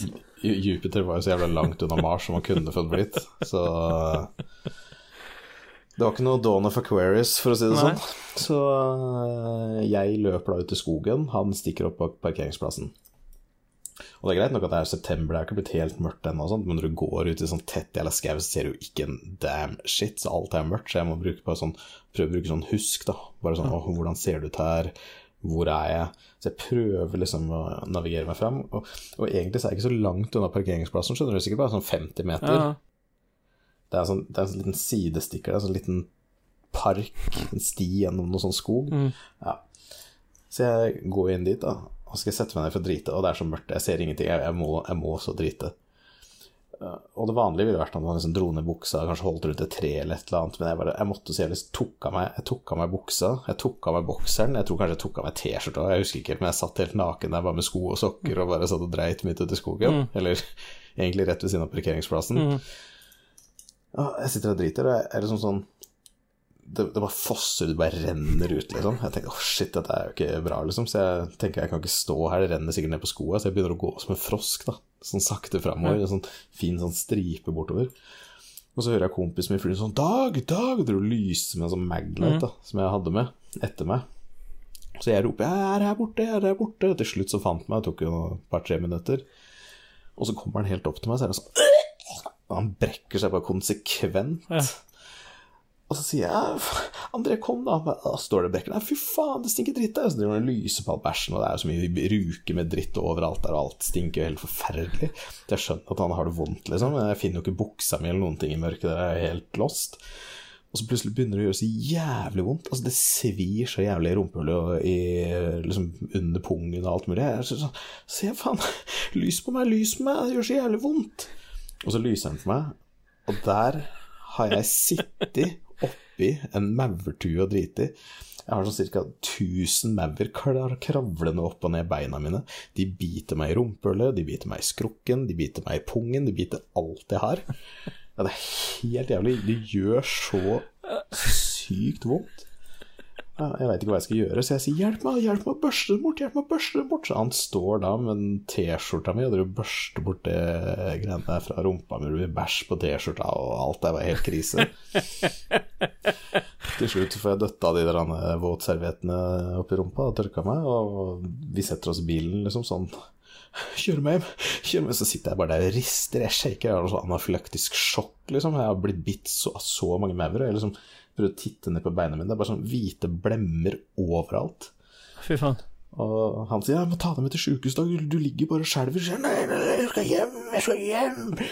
Så det ender med at han kjører meg hjem, da, for at jeg var så jævla hard på det at jeg nekter å dra på sjukehuset naken med masse blemmer. Så jeg hadde sånn lite håndkle rundt meg som vi fant i bilen. Og så kjører vi hjem, og dagen etter så er det sånn cirka ja, 1000 maurbitt i anus og skrukk og pung. Ja. Så det er meg, da. Har du noen historier eh, om insekter du vil dele? Jeg har ingen. Nei. Absolutt ingen. Nei. Nei, altså, jeg kan forstå Sånn avslutningsvis kan jeg forstå hvorfor du ikke ville på sjukehus. Fordi ofte vil de jo spørre deg om hva som har skjedd, og den historien der er du ikke keen på å fortelle til noen som du vet kommer til å ha mye moro rundt kaffekoppen eh, de neste ukene. Nei. Nei. Du, eh, vi har noen flere spørsmål, så vi må bare besvare de også. Martin Pettersen, Ja. en av de heldige vinnerne av en Ragequit-T-skjorte, han lurer på hvorfor er Ape Escape til PS1 så jævlig bra, og hvorfor er det godt å onanere på en Tuya-hekk? Skal jeg ta jo- spillet, og så kan du ta Tuya-hekken? Ja. Ja, for da svarer vi litt på begge deler. Det er jo, ja, Ape Escape til PS1 er jo bra bare fordi det er den klassikeren det er. Ikke sant? Og alle vet jo altså, hvor nyskapende og bra grafikken er til PC-en. Og ikke minst har det liksom holdt seg så jævlig bra òg. Ja, for du har spilt mye Apescape på PS3, du, på grunn av at du spilte PC1-versjonen så mye. Riktig. Jeg kjø kjøpte jo Mm. det Fikk jo, fikk jo kjørt det via noen greier der. Så jeg har spilt Ja. Ape Escape. Jeg er veldig enig, Martin. Det er sjukt bra, men hvorfor det er så bra? Det er liksom, Jeg tror det er atmosfæren og hvor Altså, i hvert fall for min del så er det minnet jeg har til Ape Escape, da. Ja. Det er litt vanskelig å si, egentlig. Men, ja. men det er, jeg er enig med Martin. Altså, det er et veldig bra spill. Men eh, hvorfor er det godt å onanere på tujahekker, egentlig? Det er egentlig bare følelsen av at ting vokser, og siden tuja ikke vokser sånn ca. 50 cm i året, så føles det bare bra at du har fått noe til å vokse. Ja. Akkurat som å lage barn og alt mulig. Får noe til å vokse, føles godt. Så selv om du ikke har dame eller hva som helst, så kan noe vokse 50 cm i løpet av et år, og det er jo en baby. Så jeg tror det er noe av den følelsen at man får formert seg. Da. Mm. Ja, så sånn sett Hvis en skal se litt sånn på det, så har du jo veldig mange som går rundt og ikke kan få barn. Men hvis de Ja. på en måte bare planter noen tujahekker og regelmessig onanerer på de tujahekkene, så har de i hvert fall følelsen av å bidra noe, da. Ja, det er sant, det. Uh, og selv om det ikke vokser noe mer, Mm. så er det jo, føles det jo bra, da, for det vokser. Mm. Og så er det insektfeller, da. Så plutselig ser man jøss, der er det satt fast tre bier, liksom, og det er gøy. Mm. Det er sant. Mm. Det er sant. I sæden? Ja. Bjørn Bjelland. Etter tre barn fikk jeg for noen måneder siden endelig gjennomført vasektomi. Jeg satt en del dager på sofaen med blå baller etter inngrep og spilte. Det var viktig å spille usexy spill for å, få, for, for å ikke å få uønskede bevegelser i buksa. Har dere anbefaling for skikkelig usexy spill som, uh, for andre som skal gjøre det samme? Ja. Og du spiller vel bare usexy spill? Vasektomi, jeg vil bare eh, spesifisere det først, da. Det er jo øh, sterilisering, som ikke må forveksles med Mm. kastrering. Nei, for det, det bare snipper litt i lederen. Ja, jeg, jeg vil gjerne si noe der først, fordi jeg meldte meg jo opp til Jeg kan forstå den der blåballgreiene. Jeg har to Mm. historier jeg vil gjerne dele der, hvis det er mulig. Den ene er Mm. kjapp, og det er at jeg satte meg jo opp til det, for jeg følte jeg var litt ferdig med de når vi hadde fått de to ungene vi hadde. Og så fikk jeg sa- var hos fastlegen min og fikk time, og ja, han skjønte godt dette her og skulle henvises videre. Så får jeg et brev fra sykehuset, og der står det beskrivelsen av hvordan de gjennomgår den operasjonen, og du vil jo ikke ha det. Ikke sant? Nei. Så beskrivelsen var at de gjør et snitt under pungen, de tar et snitt, og så trekker de sædlederen ut fra og opp, og da vil det kjennes som et sug i magen. Det står, Dette er beskrivelsen som står, og så og så er det litt videre beskrivelse at du kan bli blå og hoven og bør unngå ereksjon de neste dagene. Og, så i siste NB så står det noen opp, kan oppleve redusert eh, erektil ettertid, på, og da er det sjelden pga. inngrepet, men psykisk. Og de som kjenner meg litt mer enn én en dag, de vet at er det noe Baldvin som driver mye med, så er det tankevirksomhet. Så idet jeg leste Ja. det, så tenkte jeg ok, først så skal jeg ha blåballer, jeg skal ha vondt, og jeg gruer meg allerede. Og så skal jeg sitte og tenke over at jeg kanskje ikke får den opp i tillegg. Da kommer jeg aldri til å få den opp igjen. Så da ble det dong på meg. Ja. Men det, det er det samme jeg tenkte på der, for jeg fikk også vite Jeg fikk ikke vite etterpå der risikoen. For ja, den historien kan jeg fortelle en annen gang, men jeg var i hvert fall hos legen. Ja da, ja da, ja da. Han kommer inn fra et rom, så spør han om kan jeg ta en nærmere titt, og jeg sier ja, ok. Så kommer han inn med en sånn pistol, Ja. noen sånn stålrør, Ja. som han trer gjennom pikken min. Og det, det var litt sånn ekkelt, for jeg begynte med liksom sånn Han var jo ikke halvchubby, liksom, han var ikke liksom sånn helt sånn mini som han pleier å være. Liksom. Nei, nei. Så han liksom tar tak i den og holder den, liksom. Mm. Og så begynner han å føre den der metallpistolen inn, som liksom treffer kant noen steder. For det, han var også spurt om ville ha bedøvelse. Jeg hadde sagt nei, for jeg ville ikke ha sprøytepikken. For jeg, syns jeg, jeg liker ikke sprøyter i det hele tatt. Jeg angrer jo selvfølgelig i ettertid på at jeg sa nei til det. Ja, selvfølgelig, for du må alltid. Det er vondt å få stikk i penis, men det er mer vondere å få et metallrør opp i urinrøret. Ja, og så tar han i hvert fall stikkeren hele tiden, så titter han litt rundt uh, inni der, og det som er ekkelt, var at for pikken hadde krympa inn så jævlig, så den var jo sikkert sånn han er 1,5 cm lang. Ja, ikke den har evnen til å gjemme seg, den penis. Ja, så han hadde liksom sto der med det kikkehullet sitt, og da kjente jeg den varme pusten hans på pungen og det var så jævlig ekkelt. Og så sier han nei, her ser det fint ut, og så når jeg drar den ut nå, så kan det hende at det kommer noen dråper blod, bare så du er klar over det. Så jeg bare ja, ja, det er greit, og så dro han så bare velta det blod ut, altså det, det bare Jeg- Men hvorfor skulle hun titte inn i urinrøret ditt? Nei, han trodde at jeg hadde noe infeksjon inni urinblæra. Ah, ja. Nei, det var, det var masse som skjedde, det var psykosomatisk stress. ja, vi, vi kan spare historiene, historien. Ja. åpenbart. Du, du har så mange historier i dag, Thomas, så vi, det er helt rått. Men noen har titta opp penisen din, det er jo kult kult at de har gjort. Den andre Ja, og det var vondt, men etterpå så sa han ah, jeg tror det liksom går greit for deg, for du er såpass ung, men det er en sånn 10% sjanse at du aldri får ereksjon igjen, men jeg tror ikke det kommer til å skje. Ja. Og det sier han etterpå. ja. Etter du hadde hatt en eh, metallrør oppi der? Ja, stemmer. Oh, ja. Så, så det ville jeg gjerne hørt før. Før han begynte å sjekke oppi der, ja. Stemmer. Stemmer. ja. Og hvis han først har titta, så vil du ikke høre det, på en måte. Nei. Nei, nettopp. Da kunne du bare latt være. vi kommer videre. Uh, usexy spill. Uh, tips. Tips til usexy spill. jo tips. Ja. Hvis du blir kåt av Siv tips, da er det noe gærent med deg. Og det kan du sitte mange timer ute på sjøen uten at det skjer noe som helst. Ja, og jeg vil si Little Friends, uh, Dogs and Cats til Switch. Hvor du kan klippe når du kan klappe små kattunger og Vet du hva? Det spillet har jeg kjøpt til dattera mi, og til og med hun syntes det var dritt. Eh, hun bare 'Pappa, jeg kan ikke spille det her', sa hun. Hun er seks år. Så Ja. de to spillene sammen, da, har du, da slipper du. Til eh, de som skulle slite med det samme Hvis de trenger noe å spille som ikke får deg erigert, da, er det, Mm. da har du komboen der. Da har du Sea of Thieves hjemme og Little uh, Cats and Dogs. Ja, til Switch. Ja, ja, noe sånt noe. Eh, til Switch. Da har du det on the go, så da vil du aldri få ereksjon på den, i den Nei, perioden. Nei. Aldri. Øystein Reinersen, Mm. hvorfor sier ni av ti nordmenn nei takk, jeg får ikke skrevet av på skatten når man spør om de vil ha kvittering? Hvorfor satan, det er så jævlig lei den kommentaren. Kan jeg få snu på den litt? Ja. Jeg er så jævlig lei at folk spør jeg vil du ha kvittering. Nei, da hadde jeg fuckings bedt om det. Ja. Så Øystein, kan du holde kjeft når noen ber deg om å skrive ut en kvittering? Så skriver du kvittering, ellers så bare ikke Altså nevn Det vi egentlig sier til Øystein, som også er no vinner, nummer to, uh, vinner nummer to av T-skjorte, det er uh, Vær litt mer sint på jobb, og så ikke, ikke spør om kvittering. Bare be, la folk spørre deg. Ja. Ikke sant? Og Mm. hvis de spør om å få kvittering, så spør du. Hva skal du bruke den til? Hva skal du bruke den til? Han er sørlending, så han kommer til å si Hva skal du bruke den til? Og så må de utdype Og så sier de jeg, 'Jeg skal skrive på skatten'. Og så sier de nei, det går Nei, det går ikke. Og så er det ferdig. Ja, det får du ikke skrevet av på skatten. Det er Nei, der ser du. Der vi løser problemer. Da snur det rundt. Ja, Ja. Veldig bra. Da har du fått Vi svar på det. Vi løser problemer. Mm. Ja. Og Kristoffer mm. Gettoboys Hansen Leistad, som er et fantastisk eh, navn. Jeg håper han og, Han er et fantastisk menneske. Ja, han er det. Fordi han sier noe så En, en fantastisk menneske. En fantastisk mann. Mm. I disse tider så er det veldig fint å leke sånn, sånn gebrokkent norsk. Det er Ja, lurt. er uh. Tar du kritikk på det? Jeg tar Jeg kritikk tar på det. Jeg mener uh, ikke noe vondt med Nei. det. Nei, ikke jeg heller. Jeg synger Torbjørn Eggen i tunga mi uansett hva han har skrevet i tekstene sine. Ja, og jeg går rundt med sørstatsflagg bare fordi jeg liker sørstaten og maten og sånn. Ja, jeg òg. Har det Nei, bak i gjør ikke bilen, hengende bak i ruta. Du, han eh, Getto Boys, han skriver 'Hvorfor er dere så forbanna flotte mennesker?' Han sikter sikkert til Christian, tror du ikke? Jeg tror det. Uh, I forhold til deg og meg, så er det sikkert bare et liv fullt av mobbing. Ja.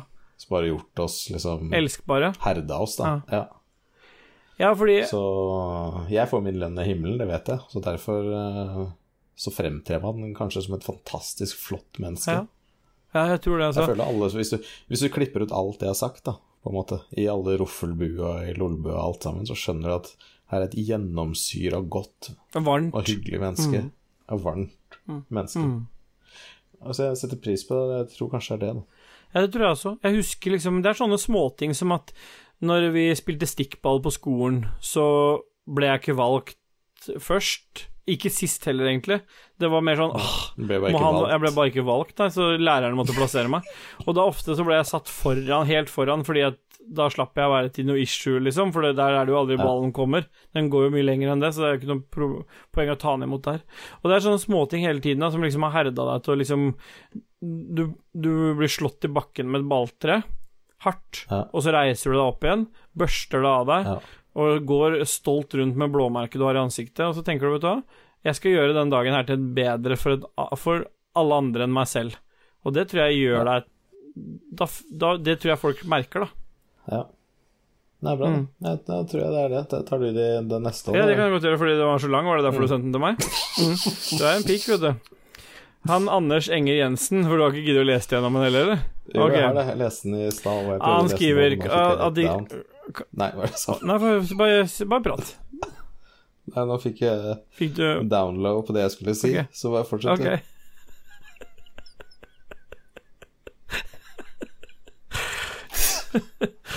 Anders Enger Jensen. Kanskje ikke så himla sært eller morsomt, men forbanna irriterende. Hvorfor er det slik at folk som selger ting brukt, ikke bruker en eneste kalori på en gang å vaske over det de selger først?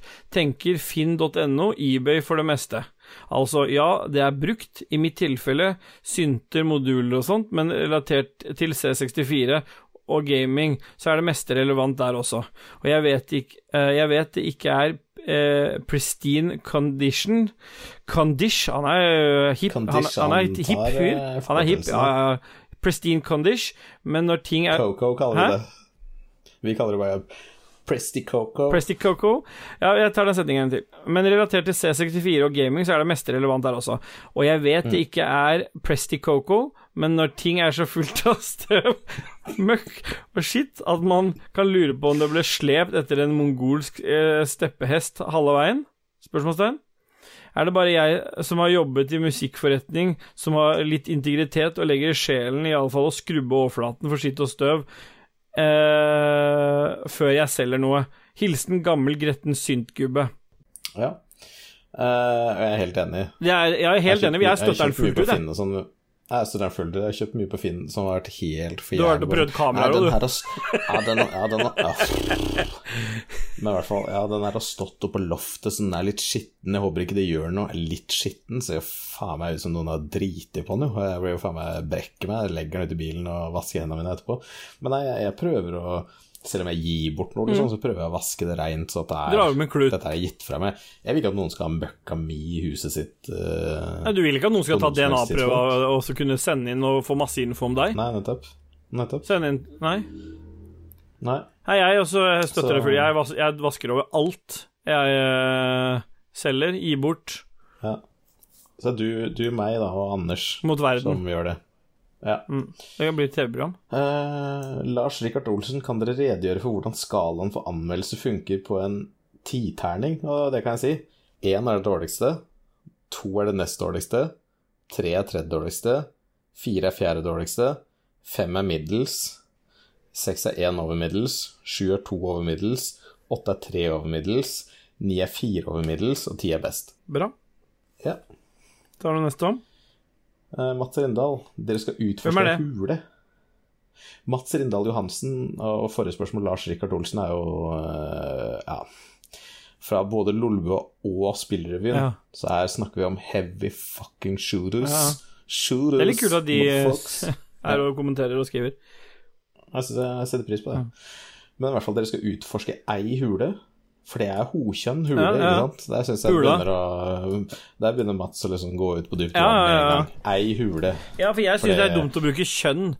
Ja. Jeg syns ikke vi skal skille på det. Ja, så ok, da leser jeg opp setningen på nytt, da.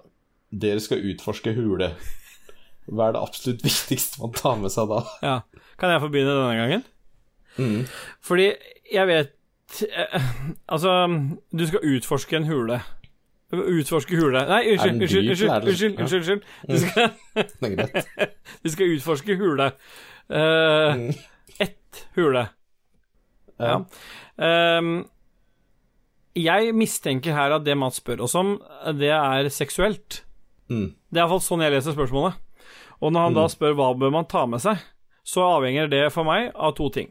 Er det kona di, Ja. er det samboeren din, eller er det one night stand? Fordi hvis det er kona og samboeren din, så trenger du ikke ta med deg noe som helst, da bare tar du med deg erfaringa du har fra tidligere. Men er det et one night Ja. stand, så er det mange ting jeg ville tatt med meg i ei hule. Én hule, ett hule. ja.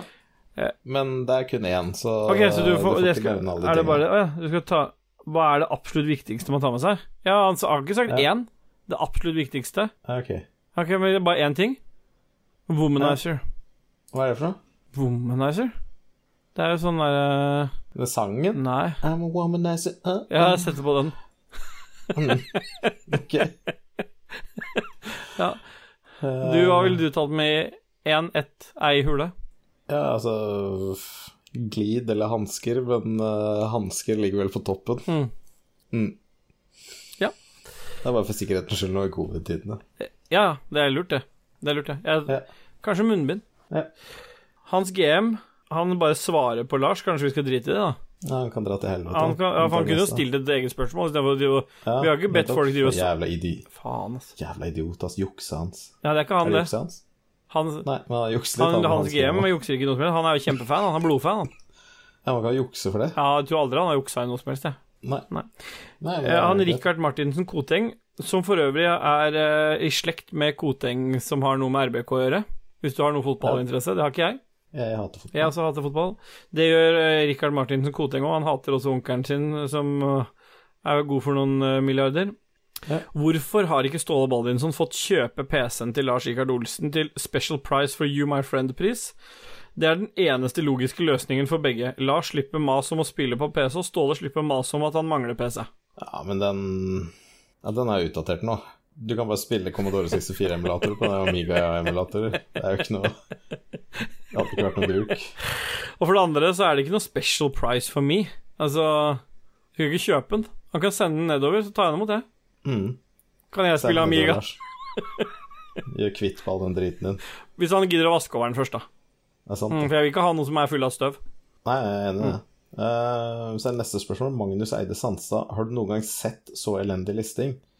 Og det egner seg veldig bra i en podkast. Å beskrive det, at det er en dame som danser på et gulv, som du ser det er skeivt. Du ser en kjempestor glippe i lista, og det er ganske dårlig. og Jeg kjenner at jeg blir irritert. Og jeg tenker med en gang, hvorfor blei det ikke lagt avretningsmasse der? Hvorfor vil de ha så skeivt gulv? Nei. Men det er godt at jeg har lagt plankene den veien, da, sånn at du i hvert fall får den dumpa. Ja, jeg tror det er to muligheter. Altså, det er jo litt dårlig snekkerarbeid òg, fordi det du kan gjøre, er å legge litt press på lista når du dytter den nett til, eh, gulvet også, og så skyte den med stiftepistol inn sånn, og ofte da så får du, får du korrigert for mye, for det er ganske mye elastitet i, de der, eh, i treverket, sånn at hvis du hadde bare, hvis snekkeren hadde gått litt inn for det, da, og prøvd å få lagt litt grann vekt ned på lista idet han liksom Idet han skøyt den inn med stifte, eller spikkpistolen, så hadde dette her vært løst, tror jeg, eller mye større grad enn sånn det ser ut der nå. I hvert fall vært gjemt, da. Mye jevnere enn det der. det Det er klart, Gjemt, Gjemt, gjemt, ja, ja. Ja. i mye større grad enn det det er her. Men det er klart, mureren, uh, maleren, litt avhengig av hvem som tok avrettinga, må jo ta mesteparten av kritikken her. Ja. Uh, ja, så er det Espen Bråtnes, da. Ja. Du kan jo lese det. Ja, for han uh, lurer på hva som er deres go to karaokesang, og så lurer han på om vi kan ta og synge en liten strofe. Ingen av oss har vel uh, noe eh, problem med å bare heve Nei. stemmen voldsomt her hjemme når vi tar opp nå.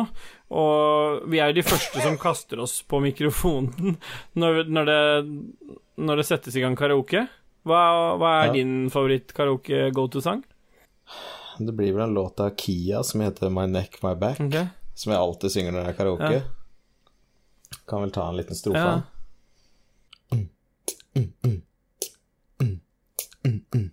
My neck, my back, lick my pussy and my crack.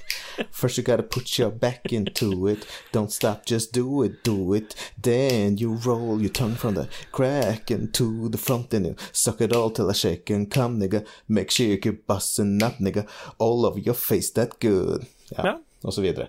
Du må bare ta alle de N-orda som er i den sangen der, og bare bleepe det ut. Det kommer jo ikke til å skje. Men det er din go-to-sang når du synger karaoke? Stemmer. Ja, fordi jeg er jo mer eh, Jeg, jeg går rett for Queen jeg, når jeg synger karaoke. Stemmer. Men jeg lurer på om jeg ikke skal begi meg ut på noen strofer fra Queen her, for det, det går an. Jo, kom igjen, da. Ta den nå. Eh, Ja, må jeg det nå? Mm. Ja, greit. Men eh, I see a little silhouette of a man. Kom igjen, da. jeg, kan, jeg kan begynne før det, for jeg har unger som ligger og Ok. Um, hva, hva sa du? I see a little Jeg skal bare ta I see a little silhouette. Ta den du vil. kan jeg ta strofen. Ja, eh, men eh, nå ble jeg litt sånn Det er ikke så vanskelig. Favorittkaraokesangen. Det er Den du alltid går til. Ja, ja, men så, så har jeg unger her også, så ble jeg litt sånn Ja, hvisk, da. Ok. Ingen som hører det er for lavt. Tonight I'm gonna have myself a real good time. I feel alive. I, and the world turning inside out. Yeah, I'm floating around in ecstasy. So. Bra. Mm. Skal vi ta neste spørsmål? Ja. Jarle Pedersen lurer på Jarle noe. Pedersen. Skal jeg ta den nå? ok. Hvor revna er Stål over at Death Stranding ikke er på Xbox? Og jeg, Det han refererer til her, er at Death Stranding er jo et PS4-eksklusivt spill, som nå er kommet ut til PC. Mm. Og jeg er ganske revna over at det ikke er på Xbox, men jeg er ikke så revna over det, for jeg solgte jo PlayStation min etter det hadde kommet ut. Eh, ene alene fordi jeg orker ikke å spille singleplayerspill. Jeg vil spille online multiplayerspill. Så jeg er ikke så revna over det. Men uh, jeg syns det er fint at spillet endelig kommer ut på, i sin beste um, I sin beste form, som er da PC-plattformen. Mm. Da har, det, da har det en mulighet til å skinne skikkelig. Mm. Ja. Og Raymond Ekås Caspersen sier ok, hvem av dere reiste tilbake i tid for å drite? Og så linker han til en artikkel hvor det er en 14 000 år gammel bæsj som de har funnet ut er menneskelig. Og det har jo ikke noe annet å si at det er enten Bartos eller Jonas.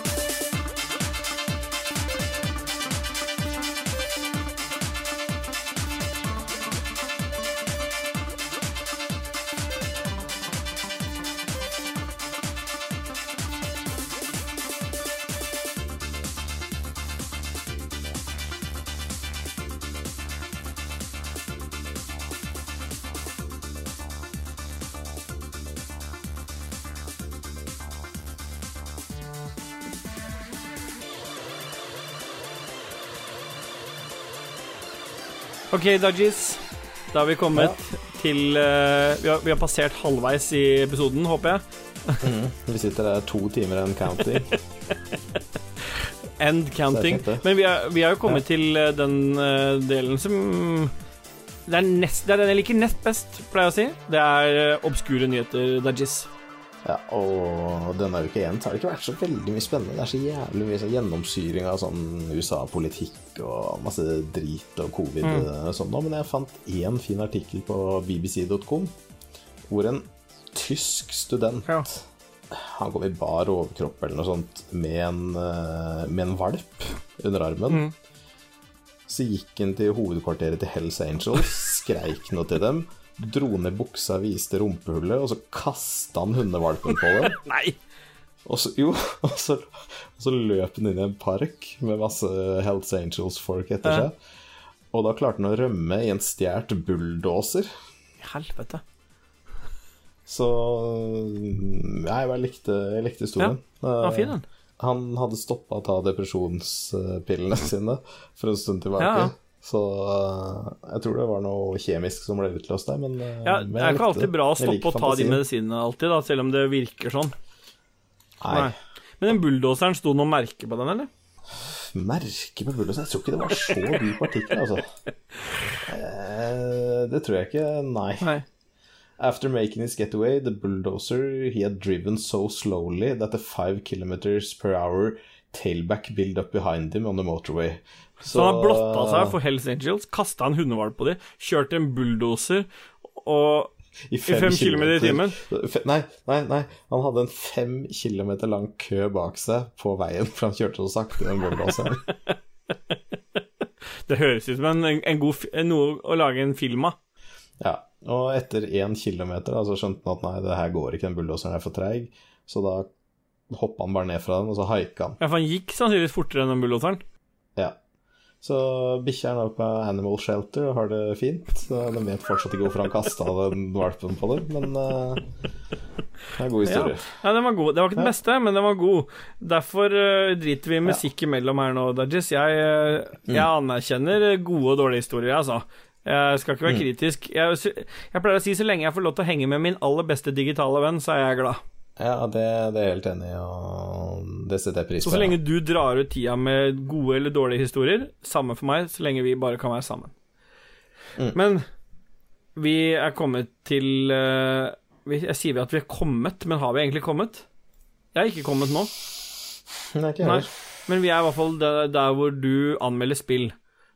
Folk Mm. er veldig sånn Jeg har hørt fra flere at liksom Ja, særlig han har spilt disse spillene, men det er sant. Jeg kjøpt, jeg har spilt det spillet. jeg har kjøpt PlayStation 4-spill til deg, jeg har kjøpt alle disse spillene på disk til deg, så du har fått spille de.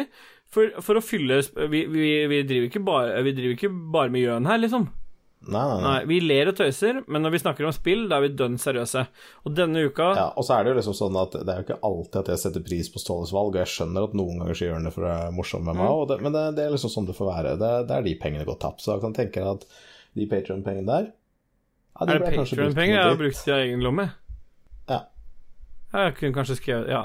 Ja, nei, jeg har fått brukt de av egen lomme, men, men denne, denne uka her så er det litt kult, fordi vi, vi snakka litt om det i forrige episode. Vi, vi har blitt sponsa med noe GamePass-greier fra GamePass-abonnement, sånn årsabonnement fra Microsoft Nordic, for å kunne få testet ut litt. Og du fikk også en, en spillkode til et spill som du har valgt å anmelde denne uka. Hva slags spill er det, Dajis?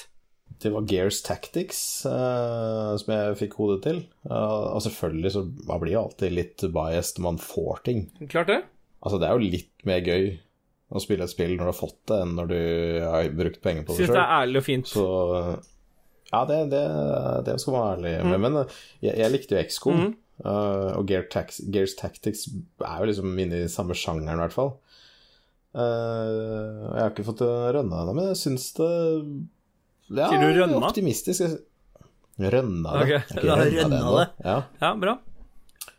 Nei, jeg syns det var gøy. Det er liksom samme som eh, XCOM, da. Det er turn-based, og det er en tactical shooter. eh, hvor du liksom styrer enheter rundt. Det, det skiller seg kanskje litt fra XCOM fordi at Oi. Uh, det positive og negative med spillet er jo at det er en lettere versjon. Altså, jeg liker jo XCOM fordi at jeg syns det er morsomt å liksom drepe aliens, ta dem tilbake, forske på dem, forske fram nye våpen og sånt, og det skjer ikke her. Så du spiller egentlig bare en, en historie, da hvor du gjør taktiske valg med de enhetene du har, og så liksom spiller gjennom en uh, Ja. det, det er liksom bare kamp etter kamp etter kamp, og imellom kampene så kan du eh, ja, få nye skills på klassen, og du kan oppgradere noe våpen. Du, du, du bruker de samme våpnene hele tida. Det er liksom sånn Jeg hadde jo kanskje likt at det var litt forskjellige våpen, men du kan modde dem, da, sette på noe legendary sager og noe underbarrels og ja, Mm. you name it. Men uh, det er jævlig bra balansert, og det er ganske kule fights, og det er mye taktikk. da, altså det, En av de tingene jeg syns er kult, er at du har de har kutta ned, så er det ikke noe sånn at ja, den figuren her har 26 action points, mens den andre har 17, og så skal du gå bort til en vegg, og der koster det 13, og da kan du ikke skyte, for det koster 6 og sånt noe. Så det er egentlig sånn at du har tre action points til å starte med, i hvert fall.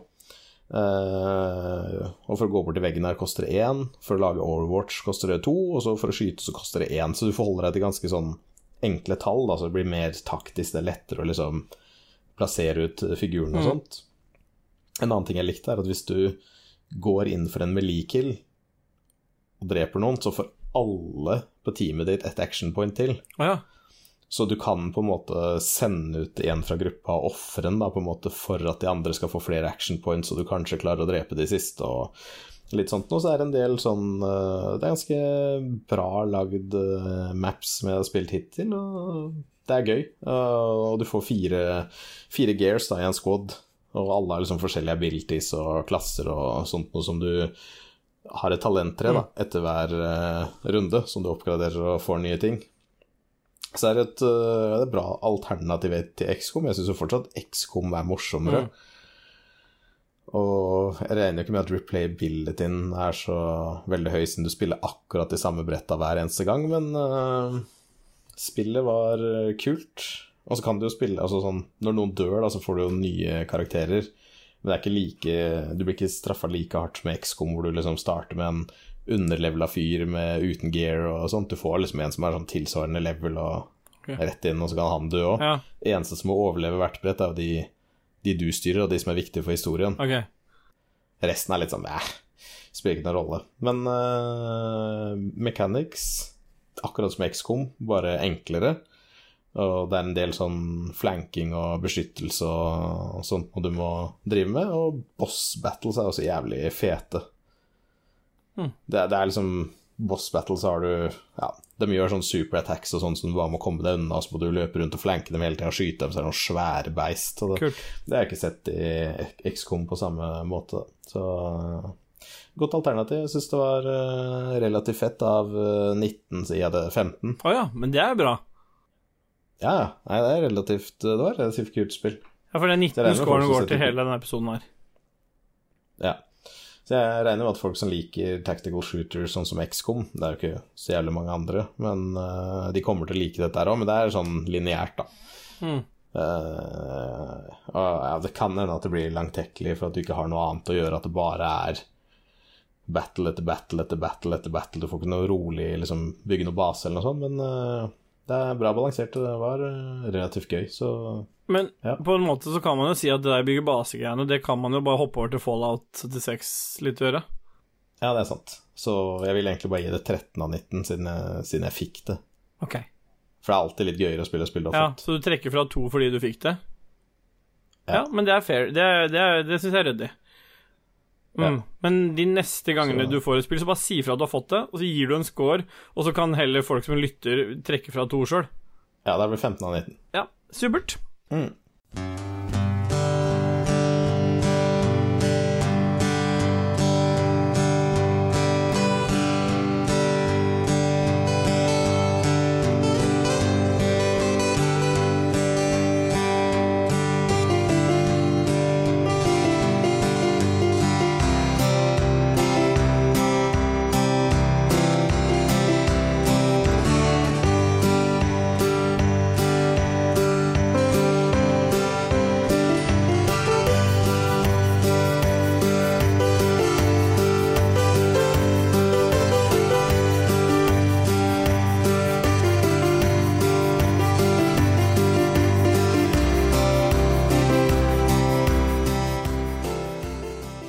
Ok, det er Jizz.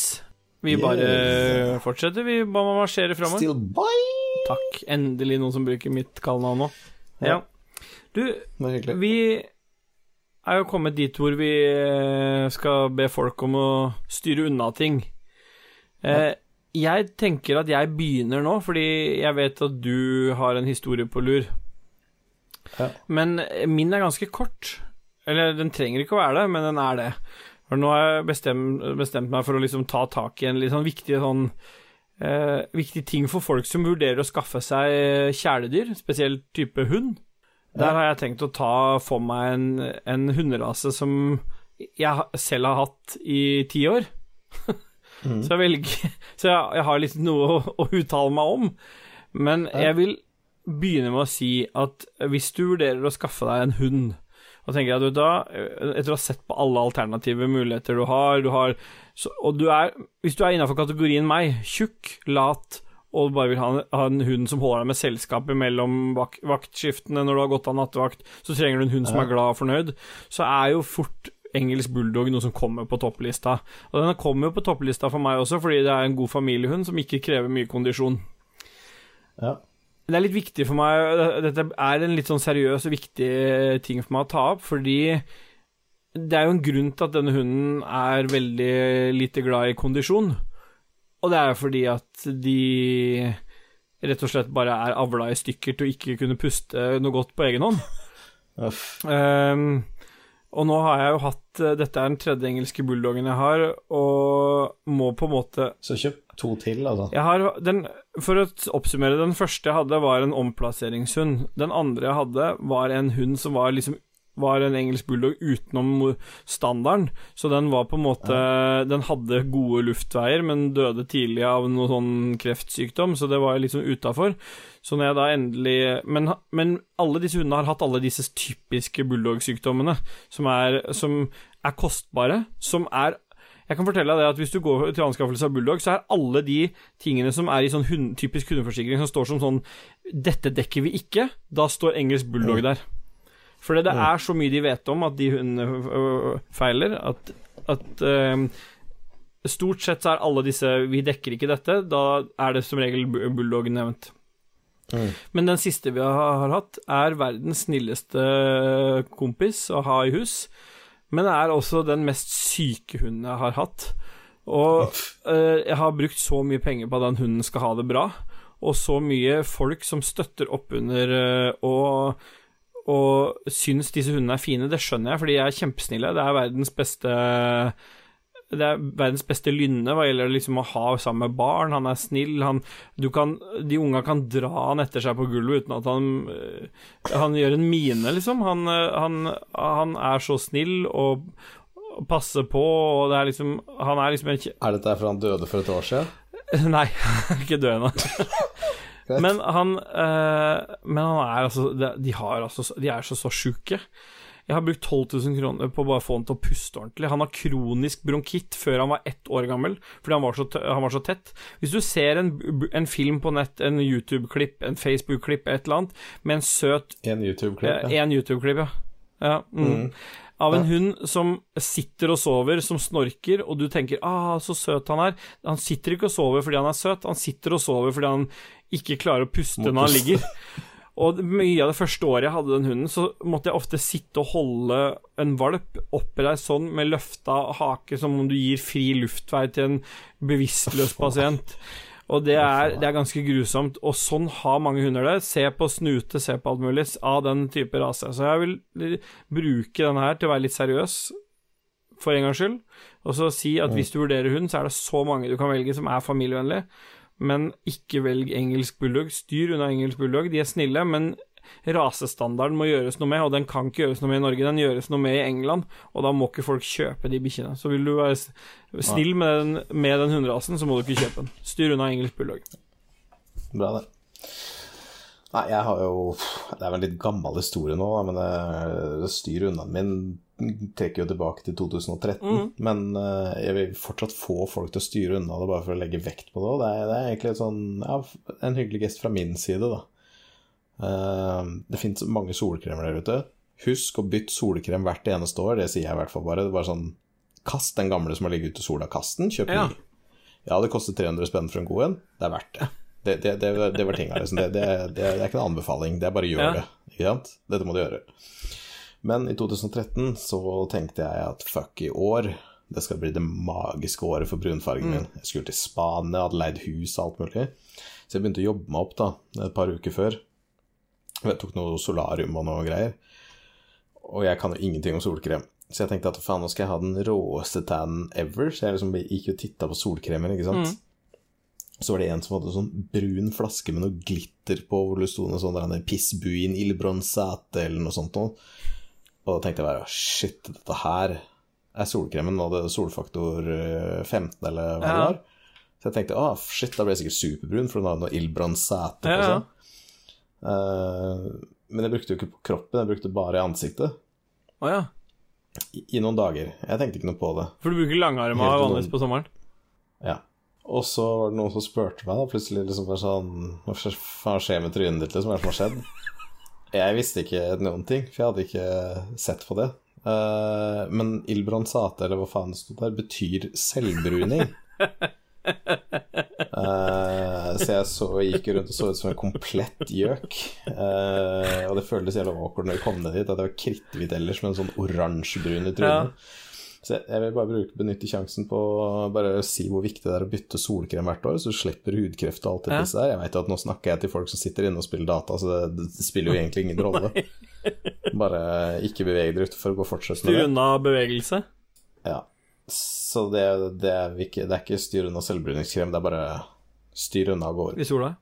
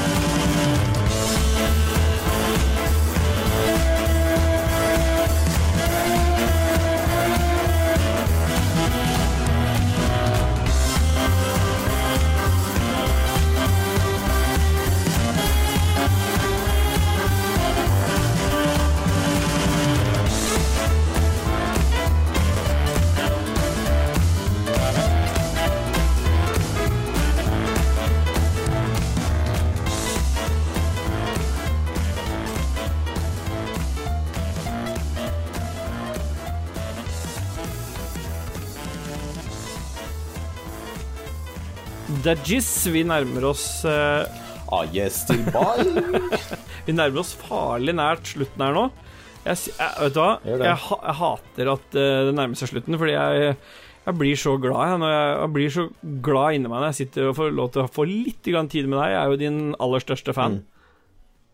Ja, og jeg har jo kjøpt sånne silikontær som jeg har festa på veggen. Mm. Så jeg sitter her med beina opp en puff, og så kiler jeg med de tæra med tæra mine, og så later jeg som det er deg, siden vi sitter ansikt til Ja. ansikt via webcam. Det, det skal kanskje jeg vurdere òg. Mm. Men helt avslutningsvis, eller sånn nest avslutningsvis, da, så, så er vi i en sånn del som jeg syns har fått litt sånn eh, har fått, Den har skapt litt engasjement, rett og slett. da. Vi har mm Vi etablerte en spalte som heter Er det egentlig så dårlig? Der vi tar for oss spill som har fått hard medfart, og som vi har valgt å teste ut for å sjekke om er det egentlig så dårlig. Og Så langt så har vi testa ut Anthem, og vi har testa ut Fallout 76. Vi har henta inn eh, folk som har spilt det mye, eh, og som kan mye om spillet. Ved annet Lars Rikard Olsen fra Lolbua, som har uttalt seg, og vi har vel både endt på begge disse spillene på at det faktisk ikke er så dårlig som, som folk eh, i, i forumer og sånn skal ha det til at det er, da. Og folk vil gi det en sjanse. Jeg ser folk på Facebook-gruppa vår eh, Rage Quitters òg har fått elsk på Fallout 76. Så det er fortsatt eh, Man har tid til å snu. Prøve noe på Ja, nytt. klart det, er viktig faktisk òg, at man liksom ikke bare liksom henger seg opp i liksom enkeltpersoners uttalelser, for veldig ofte så er jo de smitter jo over på andres meninger, og så blir jo forumene dynka med meninger som på en måte ikke er basert Ja. i at man har testa det. Eh, og det har vist seg både med Anthem og Fallout 76. Nå har det vært litt stille med, med Anthem, for jeg har blitt oppslukt i Fallout 76. Men så fikk jo vi uh, uh, sånne Hva heter det for noe? GamePass-koder. Og der der åpna det seg en mulighet til å tekst, sjekke ut et spill. For denne gangen så slapp jeg å kjøpe spillet til oss, men jeg, vi hadde rett og slett tilgangen på det via GamePass. Um, eh, og det, hvilket spill er det vi har sjekka ut denne uka, Dajis? Det er jo Daisy, uh, som jeg også har et veldig sterkt og godt forhold til. Da, for jeg husker uh, den, sp- Nå spoler vi langt tilbake, dette er vel åtte-ni år siden, tipper oh, ja. jeg. Tipper det er liksom rundt 2010-2011 eller noe sånt. Okay. Eh, da spilte jeg og Mats fra Lolbua og noen andre Daisy-moden til Arma 2, som var den gangen lagd av Dean Hall, da, som kalte seg Rocket. Han hadde lagd en mod som tok eh, Milsim-motoren til Arma 2, og så la han til zombies og litt sånn scavenging av mat og multiplayer, og så kunne du løpe rundt der. Og da gikk det liksom fra en militærsimulator til at det blei et sånn uh, survival-spill, da. Og det var jo jævlig flott. Eh, vi spilte kjempemye, satte kjempestor pris på det, og så sier han Dean Hall at da, nå har han fått med Bohemian Rhapsody? ja, stemmer, stemmer. Bohe- Bohemia Interactive. Vi har fått med dem, og nå skal vi lage et standalone-spill av Daisy. Og dette var ti år siden eller noe sånt nå. Uh, og folk likte, folk likte den Milsim-pregen. Folk likte liksom det at du kunne skyte, og kula hadde dropp, og det var liksom ganske artig. Det var litt buggy og sånt, men de fiksa på en del ting. Og så kommer han Dean Hall, da, Rocket, ut og sier at nei, nå skal han lage volumetriske skyer. Ja. Og noen liksom syns at det var kjipt, da. Jeg syns det var jævlig kult, for jeg elsker liksom bare åh, endelig kan jeg se på ekte skyer, og da er det litt sånn Da kan du begynne å si, da, når du begynner på hver deres side av kartet, liksom Hvor er du? «Ah, Jeg ser at det blåser mot vest. Å ja, ser du den store skyen som ser ut som elefant? Ja, jeg er rett under den. Og så må du liksom tenke at ok, rett under den er elektrovadansk, så da er den sikkert der. ja. Lett å finne hverandre. Eh, Rocket eh, Dean Hall han skulle også lage hundecompanions, så altså kunne få en hund og samle Ah, ja. den, og sånn at du ble lei deg når han døde. Og okay. Kjøre hardt på de tinga der. Og dessverre så kom aldri det, da, men spillet er jo fortsatt fantastisk, i hvert fall den moden. Så spol frem da noen år, så drev de og utvikla Daisy Standalone. Folk spilte fortsatt moden, liksom, men, men Daisy Standalone ble laget da. Og så gjør de det valget da, som jeg kanskje tror er det beste, istedenfor å bruke Arma 2, altså den militærsimulatoren, som motor til Daisy, Ja. så tar Bohemia da valget å bruke Take On Helicopters-motoren sin isteden. Og det syns jeg er kult, og det tror jeg han Kosti Eriksen er enig Ja. med meg at det var et jævlig bra valg, da, for det Plutselig så kunne du kjøre helikopter mye bedre, mye bedre kontroll på det. Ja. Og selv om det tar sånn ca. 17 timer å sette i gang et helikopter hvis du er heldig og serveren ikke går ned, så er det jo kjempegøy, da, når du først får det til, å få kjørt rundt i 4-5 minutter før alt stenger ned. Ja. Så den gleden, da, det, det var jo på en måte verdt det. Så jeg syns det var et veldig fint valg. Du kan si hva du vil, at ja, nå har versjonen 1.0 kommet for et par år siden, og den var litt sånn buggy og zombies løp gjennom vegger og sånt, men det er vel bare noe man kan forvente av et eh, versjon 1.0-spill, tenker jeg, da. Ja, i hvert fall når det har vært så lang utviklingstid. Men, men eh, for min del, jeg har jo testa det ut på Xbox, og du testa det vel Ja. ut på en One S litt også, den du Ja, stemmer det. Eh, og ja, altså, jeg, jeg, jeg støtter meg fullt og helt på alle disse tingene. Du har jo spilt det mye lenger enn det jeg har gjort, mens jeg har jo kommet inn nå i nyere tid. Jeg har jo første gang testa det ut nå helt nylig, også litt sånn i forbindelse med at det kom på GamePass, også at Mm. uh, vi har denne spalten her, da, så da valgte jeg å gi det litt sjanse.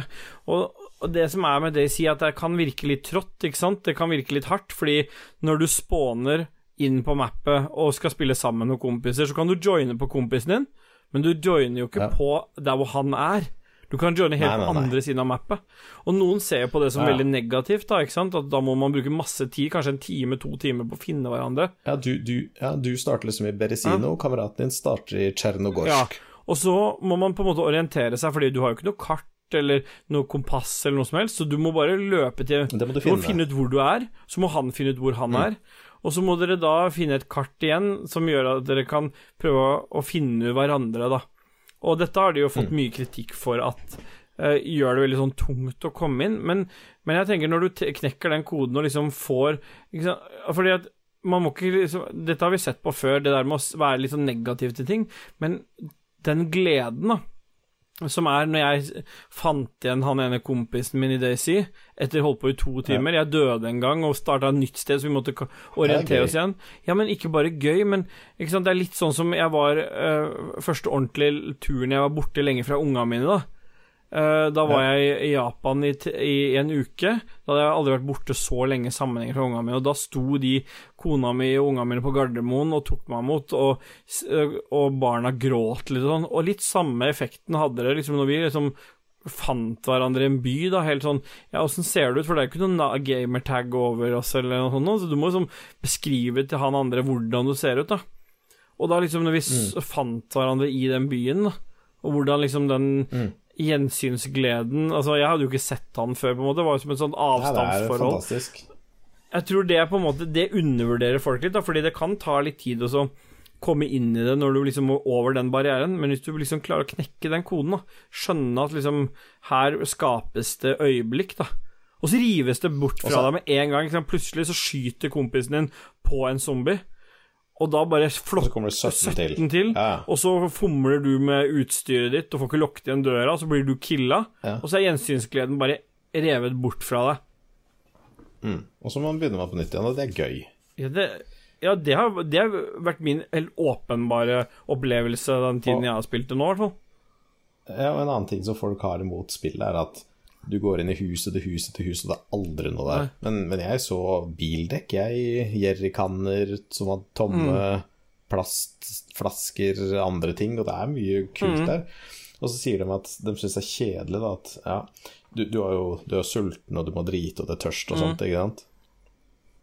Og når det synker, så blir karakterene hennes så treigere. Du kan jo tenke deg tilbake til ekte liv. Da. Hvis du er dritsulten og drittørst, så blir du jo sliten og treig. Og ofte når jeg liksom ikke liksom, Åh, nå skulle jeg vært på Mækkern, og klokka to, og jeg er så sliten Så bruker du ofte sju timer bort dit. Mm. For du tråkker så seint, du begynner å snakke sakte. Så det er ekte, da. På en måte. Det er ektefølt. Ja. Og selv om spillet liksom er litt treigt å begynne med, så føler jeg at det liksom bare gir mer, da. Altså, det tar tid å tråkke åtte kilometer gjennom et brett. Det går ikke på null tid. Nei. Det skal ta en time å løpe til andre sida av brettet. Ja, jeg er helt enig. Det er eh, de erfaringene jeg har gjort. Og jeg har jo jeg har jo ikke testa moden, jeg har jo bare testa 1.0-versjonen, som på en måte er konsollversjonen. Um, Hvis du syns PubG er pent, da skjønner du hvor bra For her er det enda et hakk opp over PubG, ikke sant? Så Mm. det, er, det, ser Men- bra ut. Også i tillegg, jeg vil bare si en ting eh, til, og det er at eh, jeg har fått testa ut Livonia, som er liksom et, et sånt nytt map. Og Ja. du spilte kanskje den eh, som du snakker om, hovedmappet med disse høye bygningene og mye sånn, men Livonia, det er kjempekult, fordi der er det bare småbyer, så, så startposisjonen din er alltid på et jorde i nord.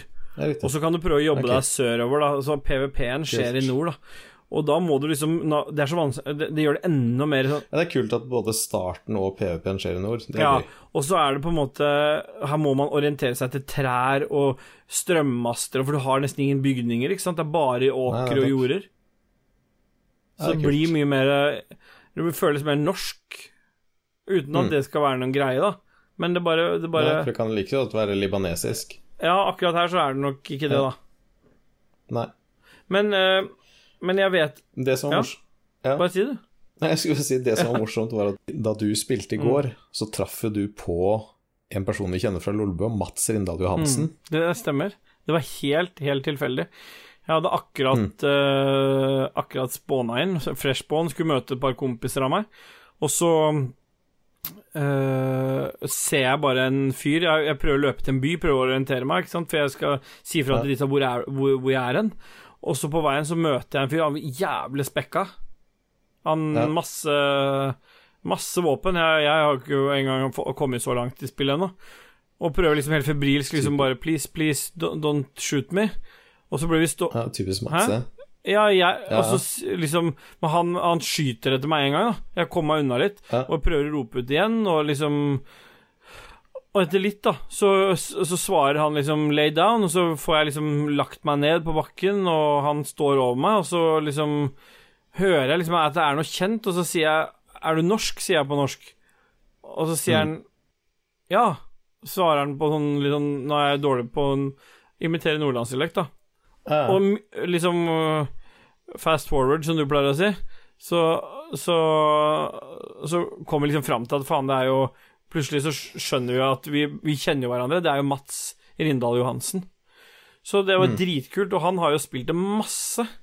Kan vi ikke bare ta og ringe opp eh, Jo. Mats, da? Og bare høre Ja. hva han har å si om da han møtte deg i går? Hallo? Hei, er det Mats? Hei, Dag. Det er Dag Thomas Olsen som ringer her. Hei, Dag. Fra Ragequit. Kunne vi spurt deg Forstyrrer jeg nå, eller kan du ta en liten prat, eller? Jeg, jeg sitter til Vi har en liten sånn social gathering. Ja, riktig. Men det, det Jeg kan, jeg kan, skal jeg få gå ut av stua? Ja, ja, det, det går helt fint. Bare gå ut av stua litt. Grann. Vi bare stille deg noen spørsmål. skjønner du. Det er Sorry at det kommer litt sånn beklagelig i den telefonsamtalen her, altså. Ja, det går bra, det. Fordi Ingen fare. Nei, nei, for vi ville jo gjerne spørre deg, for i- det siste så har jo Steelboy spilt en del Day DayZ standalone. Eh, og han møtte jo på deg i går, eh, oppe i nord, da, på det nye kartet. Hva er det du kalte det igjen, Ståle? Livonia. Livonia, ja. Hæ? Livonia, det nye kartet i DayZ. Å ja. Ja, og det er jo et kart du liker veldig godt. Vet du hva, jeg tror kanskje jeg spilte det en gang. Ja, det var jo i går, da du møtte Ståle, for du var jo kitta ut fra en annen verden da han traff deg. Ja, Det er, lett, det er lett å glemme sånne ting, for vi har nettopp snakket Stemmer. Du skjøt etter han i hvert fall, men han fikk jo stoppa deg i siste sekund. Ja, ja, Men det, det, vil vi, ja. ja. men, men det vi lurte på, da, var at uh, det, altså, Daisy er jo et fantastisk godt spill. Altså, det er jo et bra spill. Vi, vi to har jo spilt det mye. I hvert fall modden, da, og du har jo spilt uh, Daisy sin release, altså standalone. Ja. Og du også, jeg husker vi diskuterte litt, men du var jo på min side når eh, Bohemia Interactive sa at vi kommer ikke til å bruke Arma 2 som motor, vi kommer til å bruke Take On Helicopter som motor. Så var jo du også veldig glad. Jeg ble veldig glad når den nyheten brøt ut. Mm. For det, det er jo ikke bare jeg som liker å fly helikopter, du digger jo det, du òg. Ja, ja. Helikopter, alle vet at helikopter er det kuleste. Ja, og vi snakka jo om det i stad, at selv om det liksom tar sånn 17 timer å skrape sammen delene til helikopter som du får spilt i fem minutter før serveren går ned, så er det jo verdt det. Det er jo kult. I hvert fall når kontrollen de, de, de fem minuttene med flygetid er ekstase. Ja. Det er, det er magi. Det er som en, eh, det er som en kontinuerlig eh, orgasme. Ja, for du føler jo at du liksom virkelig har satt sammen flyet sjøl, liksom. Og folk kan Ja, folk kan jo si hva de vil om at de Daisy er dødt, det er jo ingen som spiller det, men jeg syns det er kult, for for meg så er opplevelsen å gå sammen med venner og drepe zombier, ikke nødvendigvis å møte andre mennesker. Og, og du liker jo også å teste våpen, så du har jo prøvd alt som er i det spillet der. Det er viktig å prøve å skytevåpnene og, Ja. prøve, og prøve de på andre folk. Ja, se liksom, hvor, hvor, hvor bra er det kaliberet her for å drepe en Ja, person på 200 meter, ja på 300 meter, på 400 meter, og det liksom tøyer grensen. Og hva kan du si liksom, til spillere som ikke har prøvd Daisy Standalone, hvis du skal si ok, dette her er kanskje sært eller rart, men dette er det absolutt beste ved Day Standalone, det du liker absolutt best? Hvis, du, hvis du er litt interessert i kart og kompass og orientering, så er det, så er det spillet for deg. Ja, Absolutt. Ja, det Og, og, og finne, helikopter der, da. så det er liksom perfect. Perfect fit. Og det er derfor vi har 1000 timer i det. I hvert fall du og Ståle. Ja. Jeg elsker orientering. Det er noe av det råeste som fins. Ja. Men da får jeg bare takke for den samtalen her, så får du kose deg videre i den sosiale samlinga di. Veldig hyggelig. Takk Så- for at jeg fikk være med. Så får vi snakke seinere. Ja, du Kan bli gjest, forresten? Som skikkelig gjest. Å nei, det fikser vi, vet du. Ja, Ja, det fikser vi veldig snart. Før du drar Ja, tilbake. ja Greit. veldig bra. Ja, da Supert. vi. Greit. Ha det.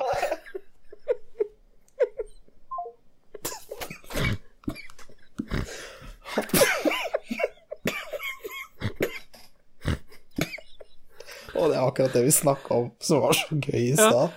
At når du først finner kart og kompass, det er da det virkelig Ja. skjer. Men da er det egentlig bare én ting å si, da. Så Still boy.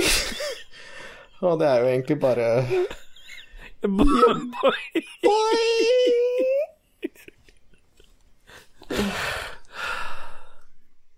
Åh, nå må jeg stikke.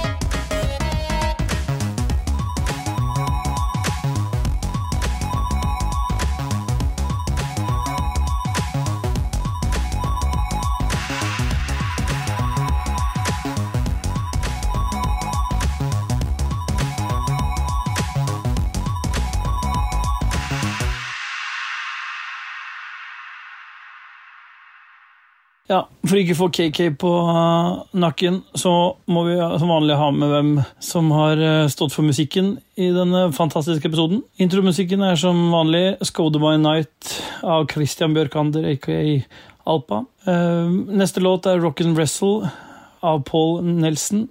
Videre er det Paperboy Sub 2, OJ Oscillation. Så er det Last Ninja, Central Park, Luke Hash og Matt Gray som komponist. Så er det Ragequid-jingle av Dormani, aka Raymond Eikås Caspersen. Eller aka motsatt, da, egentlig. Det er jo Raymond Eikås Caspersen, aka Dormani. Men uh, han sitter her på hyttetur og må bare få gjort dette ferdig. Så er det Woody's World, title, Instant Remedy Blair Supicic. Det er ikke sikkert det er riktig, men det er i hvert fall kreditert. Så er det Project X 1999 Remix av Lister Brimble. Og så er det Rambo First Blood Part 2 High Score, står det i tittelen, av Johan Andersson. Opprinnelig av Martin Galway. Så er det Kommando, remix av Rune Bertils, og opprinnelig fra Rob Hubbard, som er sikkert kjent for mange. Og så er avslutningslåt Floppy Slippers av vår eh, kjente og kjære Christian Bjørkander, aka Alpa Alfa. Usikker åssen jeg uttaler det. Håper ingen blir sinte på meg. Har du et enkeltpersonforetak eller en liten bedrift? Da er du sikkert lei av å høre meg snakke om hvor enkelt det er med kvitteringer og bilag i fiken, så vi eh, gir oss her, vi. Fordi vi liker enkelt. Fiken superenkelt regnskap.